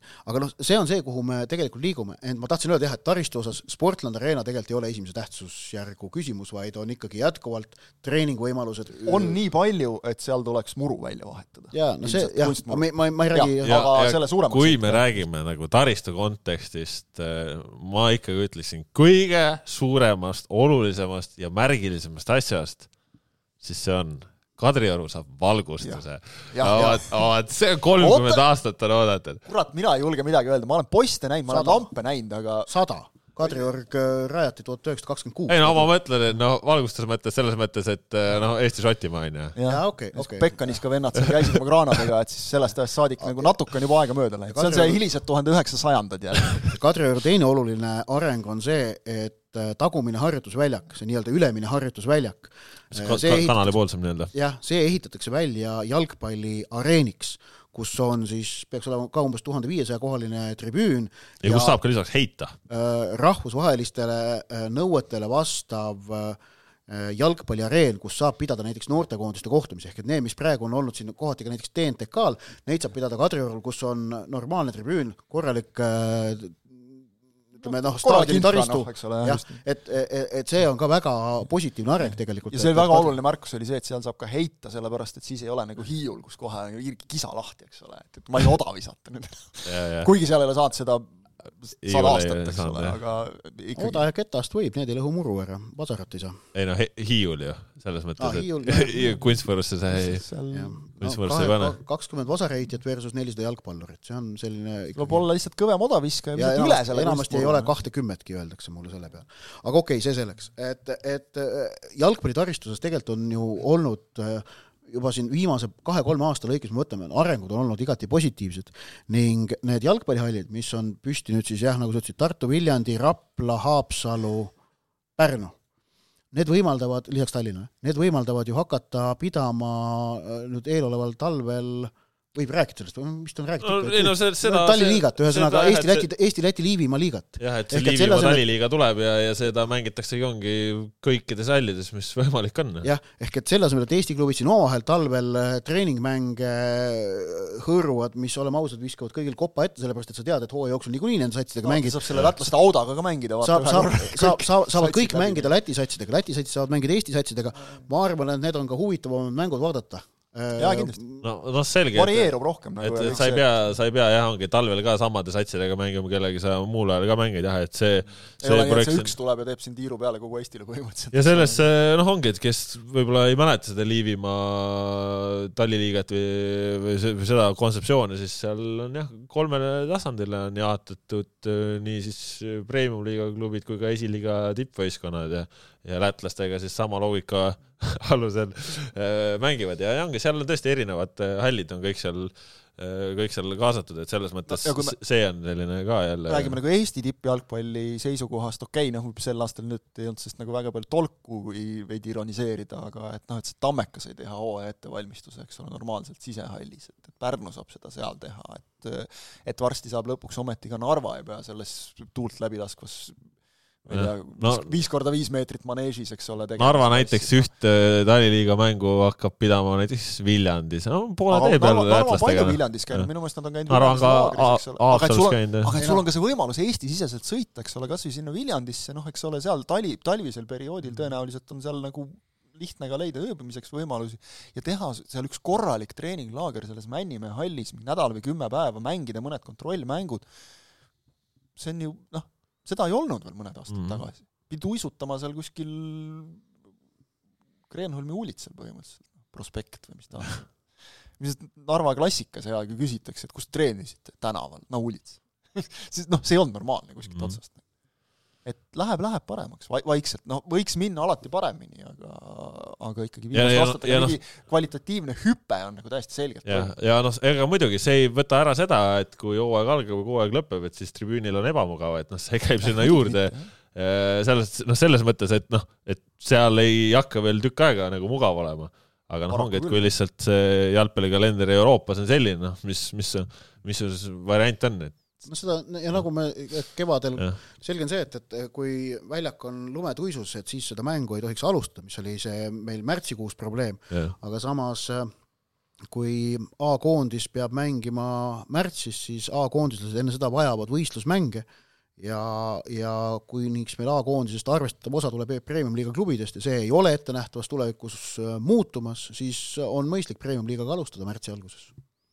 vot selline on see olukord kuidas teil, kui te vaatate veel sellele jalgpalliaastale natukene tagasi, mis enda jaoks mingid sellised nagu jalgpallilised toredad hetked olnud või kui mõtled selle kaks tuhat kakskümmend kolm, et me siin praegu rääkisime suurtest asjadest ja, ja nii ja naa, aga mingisugune väike jalgpalliline rööm hinges. tead sa, kui Rauno Sappinen lõi Eesti Linsis juhtima, siis see, sellest hetkest kuni Austria üks-üks väravani, kurat, selles, seda, seda, see oli mingi pool tunnikest vast kokku, on ju, vaheaeg jäi ka vahele, vaata. aga siis noh, mängu kommenteerisin ka, mis tähendab, et sa oled emotsionaalselt sellises noh, väga tundlikus seisundis ja, ja mõtted noh, ajus lendavad igatepidi. Ja see kurat oli jalgpalliliselt ikka nii õnnis aeg, kui vähegi, kui vähegi annab olla, ausalt oli. Mm.. Noh, nagu me teame, kuidas see lõppes ja jalgpallis sageli asjad lõpevadki nii, et see, see õnnis aeg saab järsult otsa ja ja siis on see tühjus ja nukrus, aga noh, lootus kuskile jääb, on ju. kuskil kaugel see tulukene seal tunneli lõpus jätkuvalt põleb, aga see, see, see pool tundi pärast seda Rauno Sappini väravat, kurat, see oli võimas. ausalt oli võimas. kui koondisest rääkida, siis ma mäletan nagu seda suvist Rootsi mängu eelset, kus noh, meil ei olnud nagu mingit aimu veel, et meil on halvasti. Sest noh, Aserite mängu teine poolaeg läks untsu küll, aga noh, mis seal ikka, et noh, ikka juhtub ja lõpuks saime viigi ju kätte, et noh, võõrsilt viik küll me kodus ära paneme, eks ole, ja kõik see. Rootsi tuleb külla, Rootsi, kes ei olnud ka kõige paremas seisus, eks ole, siin noh, nagu niisugune tunne oli nagu, et staadioni ümber liikudes oli see, et ma mäletan nagu hästi neid, mida siin Ott kirjeldas, neid neid aegu täpselt, kui iirlased Raekoja platsis palli lõid, eks ole. kui meil on, kui meil on olnud sta-, siis, kui meil on olnud staadion rahvast täis, kui meil on külalisfänne, keda oli ka, eks ole, rootslased on hästi noh, nagu mõistlikud, normaalsed, eks ole, selline staadioni ümbruse melu ja ütleme, et see seostus mul teise niisuguse isikliku hea kogemusega, noh siis rohkem, mis edasi sai, seda ei räägi. aga, aga seostus mul sellega, kui noh, oleme sõpradega teinud ikka igal aastal mingisuguseid, peaaegu igal aastal mingeid väikseid jalgpallireise kuskile ja, ja noh, kui sa tahad nagu kogeda kultuuri, siis äh, ei ole vaja minna tingimata ka just kohe nüüd Inglismaale, mis on kallis koht ikkagi, nagu sinna lend-, sinna sõitmiseks ja noh, või on võimalik leida odavaid variante, aga eelkõige koha peal ikkagi. kohale veel saada, aga koha peal ikkagi, noh, ta on suhteliselt kallis. seda saab palju soodsamalt äh, Poolast, Tšehhist äh,, Saksamaalt loomulikult eriti Saksamaalt. ja, ja ütleme, et, et mul seostus noh, nagu tekkis see side nagu selle, selle Saksamaal kogetuga, et näed, saab ka Eestis. et on ka Eestis selline asi võimalik. see tekkis mul korra veel siin hooaja lõpus, kui olid olulised mängud. siis ma tulin äh, siia äh,, Lilleküla kompleksi mäng oli Sportlandil juba ja, ja vaatad, et okei okay,, et ma nagu lähenen staadionile ja juba on nagu jalgpallimängu tunne, et siin on mingi lett, siin sumin. on mingid fännid, mingi sumin, mingi õhkkond, et ka isegi selle väikese Sportlandi tribüüni juures, mis noh, kuhu ei mahu nagu selles kontekstis mitte, mitte midagi nagu, on võimalik see tekitada mm. -hmm. ja, ja see oli, oli, oli nagu positiivne, ütleme, et noh, see Saksa on muidugi täiesti omaette elamus, siis on see siis noh, antud juhul teine Bundesliga, eks ole, mis noh, kui keegi tahab väita, et see ei ole nagu noh, esiliiga, minge vaadake neid samu Hamburgi meeskondade mänge näiteks, eks ole, ja, ja siis räägime edasi nagu sellest. et, et see, see, see on, need on nagu minu need positiivsed hetked, ma oleks tahtnud, et neid oleks olnud rohkem, noh kahjuks nad on, on sellised. Minu jaoks, minu jaoks isiklikult on nad nagu väga olulised näitajad, et jah, kõige olulisem on see, mis toimub väljakul, mäng, aga see, mis toimub seal väljaku ümber, on, on sama tähtis, sest kui me räägime just sellest ka, sidudes selle jutuga, mida Ott rääkis positiivsest emotsioonist, sa ei saa seda pakkuda, kui sul inimesed vaatamas ei käi. et kui otsida noh, veel nagu positiivset, meil oli kodune liiga oli põnev, no väga ei pea otsima isegi, eks ole, see on selge, et ta oli põnev ja see, et ta tõi ka nagu ikkagi, ta tekitas inimestes huvi ja okei okay,, kuigi siin oli ka natukene neid negatiivseid asju, et noh, nagu ikka mingil põhjusel nagu kohtunikud ja VAR, noh räägime sellest, kuidas meeskonnad mängisid, eks ole, jälle rohkem nagu, et kes, kes ületas ennast, kes läks lati alt, kes jättis kus midagi tegemata, kes tegi midagi, mida sa ei oodanud. see, sellega kaasnes ka ikkagi inimeste huvi, see oli hea. see, see, see mulle meeldis, seda ma tahaksin näha, see, tegelikult see on praegu minu meelest see latt, et seda peaks suutma nagu hoida stabiilselt nüüd edasi. sõltumata isegi sellest, kuidas parajasti, kui, kui ettearvamatu on tabeliseis, aga et, et oleks, oleks ikkagi nii, et on kõigil klubidel oma mingid fännid ja et on selline üldine avalik huvi Eesti meistriliiga vastu, ka seda ma tahaks näha. eks see on meie enda teha ka paljuski, et kas me suudame seda hoida või mitte. teine asi, mis mul endal, nüüd hakkasin mõtlema, mis mul sellest aastast äkki sellise sügava emotsiooni tekitas, see pärineb välismaalt ja üldse Eesti jalgpalliga seotud, aga kui ma käisin septembris ja oktoobris AFC Wimbledoni mängul Äh, Londonis. ja see on klubi, mis on sõna otseses mõttes kogukond, kuna äh, see klubi ju tegelikult äh, viidi oma sünnikohast minema teise linna sada kilomeetrit eemale ja siis selle fännid asutasid ise uue juriidilise keha ja hakkasid liiga püramiidist altpoolt üles ronima, on roninud välja Inglismaa tugevaselt neljandasse liigasse, korraks käisid kolmandas ära ja nad on ehitanud endale uue staadioni. see staadion on ehitud ja tähistab selle klubi noh, kuulsusrikast, vägevat äh, ja südamlikku ajalugu. Ja, ja seal, äh, sel mängul viibides on, on, äh, on selline, kuidas öelda, see, see, kogu see sündmus, see koht peegeldavad jalgpallis peituvat jõudu ja väge. Ja see oli vahva siia juurde muide, kui sa räägid kogukonnaklubist ja enda ehitatud staadionist ja kõigest, kui me rääkisime enne taristust, Velko, Velko ja, staadion Tartus, et vot see on üks asi, mida ma nagu näen ja vaata, kui kaua neil on see aega võtnud, mhm. tulid mm. suure hurraaga, eks ole, sealt äh, alt, alt üles, eks ole, päris palju aastaid on juba möödas sellest äh, mõnes mõttes, noh, see, see oli punk. Yeah.. Peep Pahvist juba enne rääkisime, laenan jälle sealt. Peevu üks lemmiksõna, vot see oli punk nagu see, see karikamäng, mille nad Floraga mängisid, eks ole, seal sellel olematu kvaliteediga Tamme staadioni kunstmurul, kus mõõdud üldse vastasid nõuetele või pigistati silm kinni, noh, ühesõnaga tegid selle mängu ära, möll oli, kõike oli, eks ole, see oli nagu tükk aega selline etalon. see, et me oleme näinud sel aastal äh, madalamates liigades neid ka selliseid kogukonnaklubisid, kus ongi, ongi viissada inimest. Lasnamäe Infoneti staadionil möll taevani, eks ole. vot selliseid asju minu meelest Eesti jalgpall vajab veel rohkem, vajab ka seda, et meil premium-liigas oleks normaalsed vaatajanumbrid. aga vot, vot sealt võib alata minu meelest nagu, või tegelikult mitte võib alata, vaid sealt algab, sealt algab äh, selline sügavam, nagu ütleme siis dramaatiliselt, armastus jalgpalli vastu. et sealt, sealt saavad sellised asjad alguse. ja see, kuhu Velko on nüüd jõudnud oma selle Holm pargiga, see näitab minu meelest nagu väga hästi, kuhu saab jõuda, kui sa teed seda asja rahulikult, ei ole nad tükkinud kuskile, et, et näe, esiliigasse jõudsime, hakkame litsuma premium-liiga suunas iga hinna eest.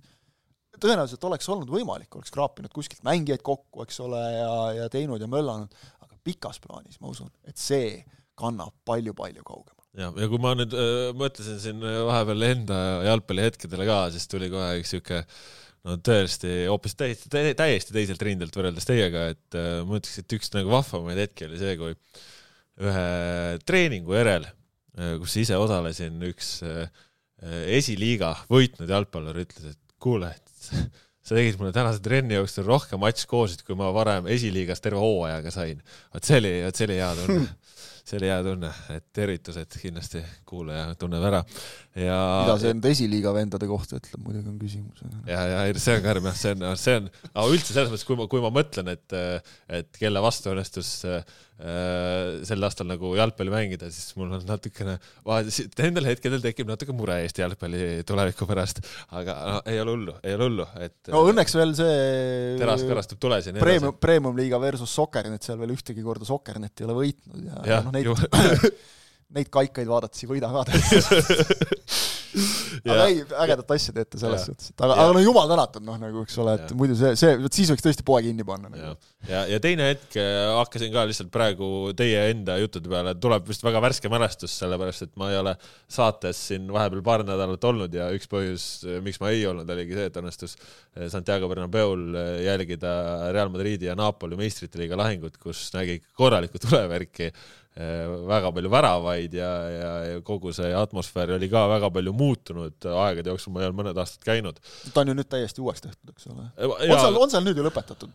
no ametlikult ei ole kõik lõpetatud, aga no põhimõtteliselt jah, aga, aga ma ütlen ka see, et nagu see fännide hoiakus, et varasem nii-öelda see Galactico klubi, kes äh, omade suhtes ka ülinõudlik, äh, üli selline, no mingil hetkel ma ütleks ka ülekohtune et nüüd oli nagu väga toetav ja see on selline vaata jälle on see, et kui sa tood noored nagu, eks ole, siis see ja, muudab ja, suhtumist just, ka, eks ole, sa näed nagu tegelikult inimestele meeldib vaadata seda, kuidas keegi miski areneb nagu, eks ole, ja kasvab, küpseb. just. et, et see noh, võiks nagu vot ongi, kui sa nüüd hakkad vaatama meil neid edulugusid, eks ole, koondis, kuidas hakati suhtuma siis, kui, mitte et ainult peaks noored olema kogu aeg, eks ole, aga et siis, kui sa nagu näed neid noori, kes ka tõesti nagu tahavad, kes mängivad ennast sinna jõuga sisse, et okei okay,, ei ole kohta või aa, siis ma teen endale selle koha, võtan.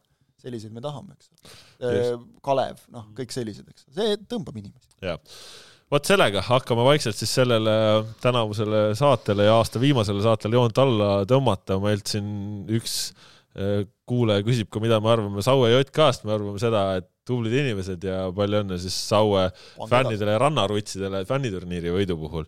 aga, aga ega seal muud ei ole. Häberli küsimus oli ka, aga seda vist lahkasime ära juba. jah, sellest me rääkisime. ühesõnaga sellised siis äh, pikk ette ja ise järele jalgpallijutud kahe tuhande kahekümne kolmandal aastal. uuel aastal tuleme siis uute juttudega ja uute teemadega, vaatame kuidas vahepealne pühade periood edasi ja mööda läheb. selge on see, et Sokanetis head lugemist pakume ikka ja, ja eks ta on tegelikult ju teada ka natukene, et ega siia aasta lõppu tuleb veel ka jalgpallilisi uudiseid, mida inimesed ootavad ja, ja mis võib-olla siis intrigeerivad rohkem ja vähem ja, ja võib-olla kuskil seal vahepeal ka. meie podcast tuleb vanade nägudega vähemalt, et ei tea, kas kõigi kohta saab öelda sama aa, ja, jah, ei jah, kuskil mõnes, mõnes, kohas võib olla muudatusi, ei tea, eks eks seda räägivad teised mehed teistes kohtades. selle kahesaja neljakümne kuuenda pikk ette jäi see järele üpris pika, aga see-eest põhjaliku saate tõid teieni Kaspar Elisser, Ott Järvela ja Kristjan Kangur. aitäh, et meiega selle aasta veetsite ja head pühade aega, kohtumiseni siis uuel aastal ja igas muud kui adjöö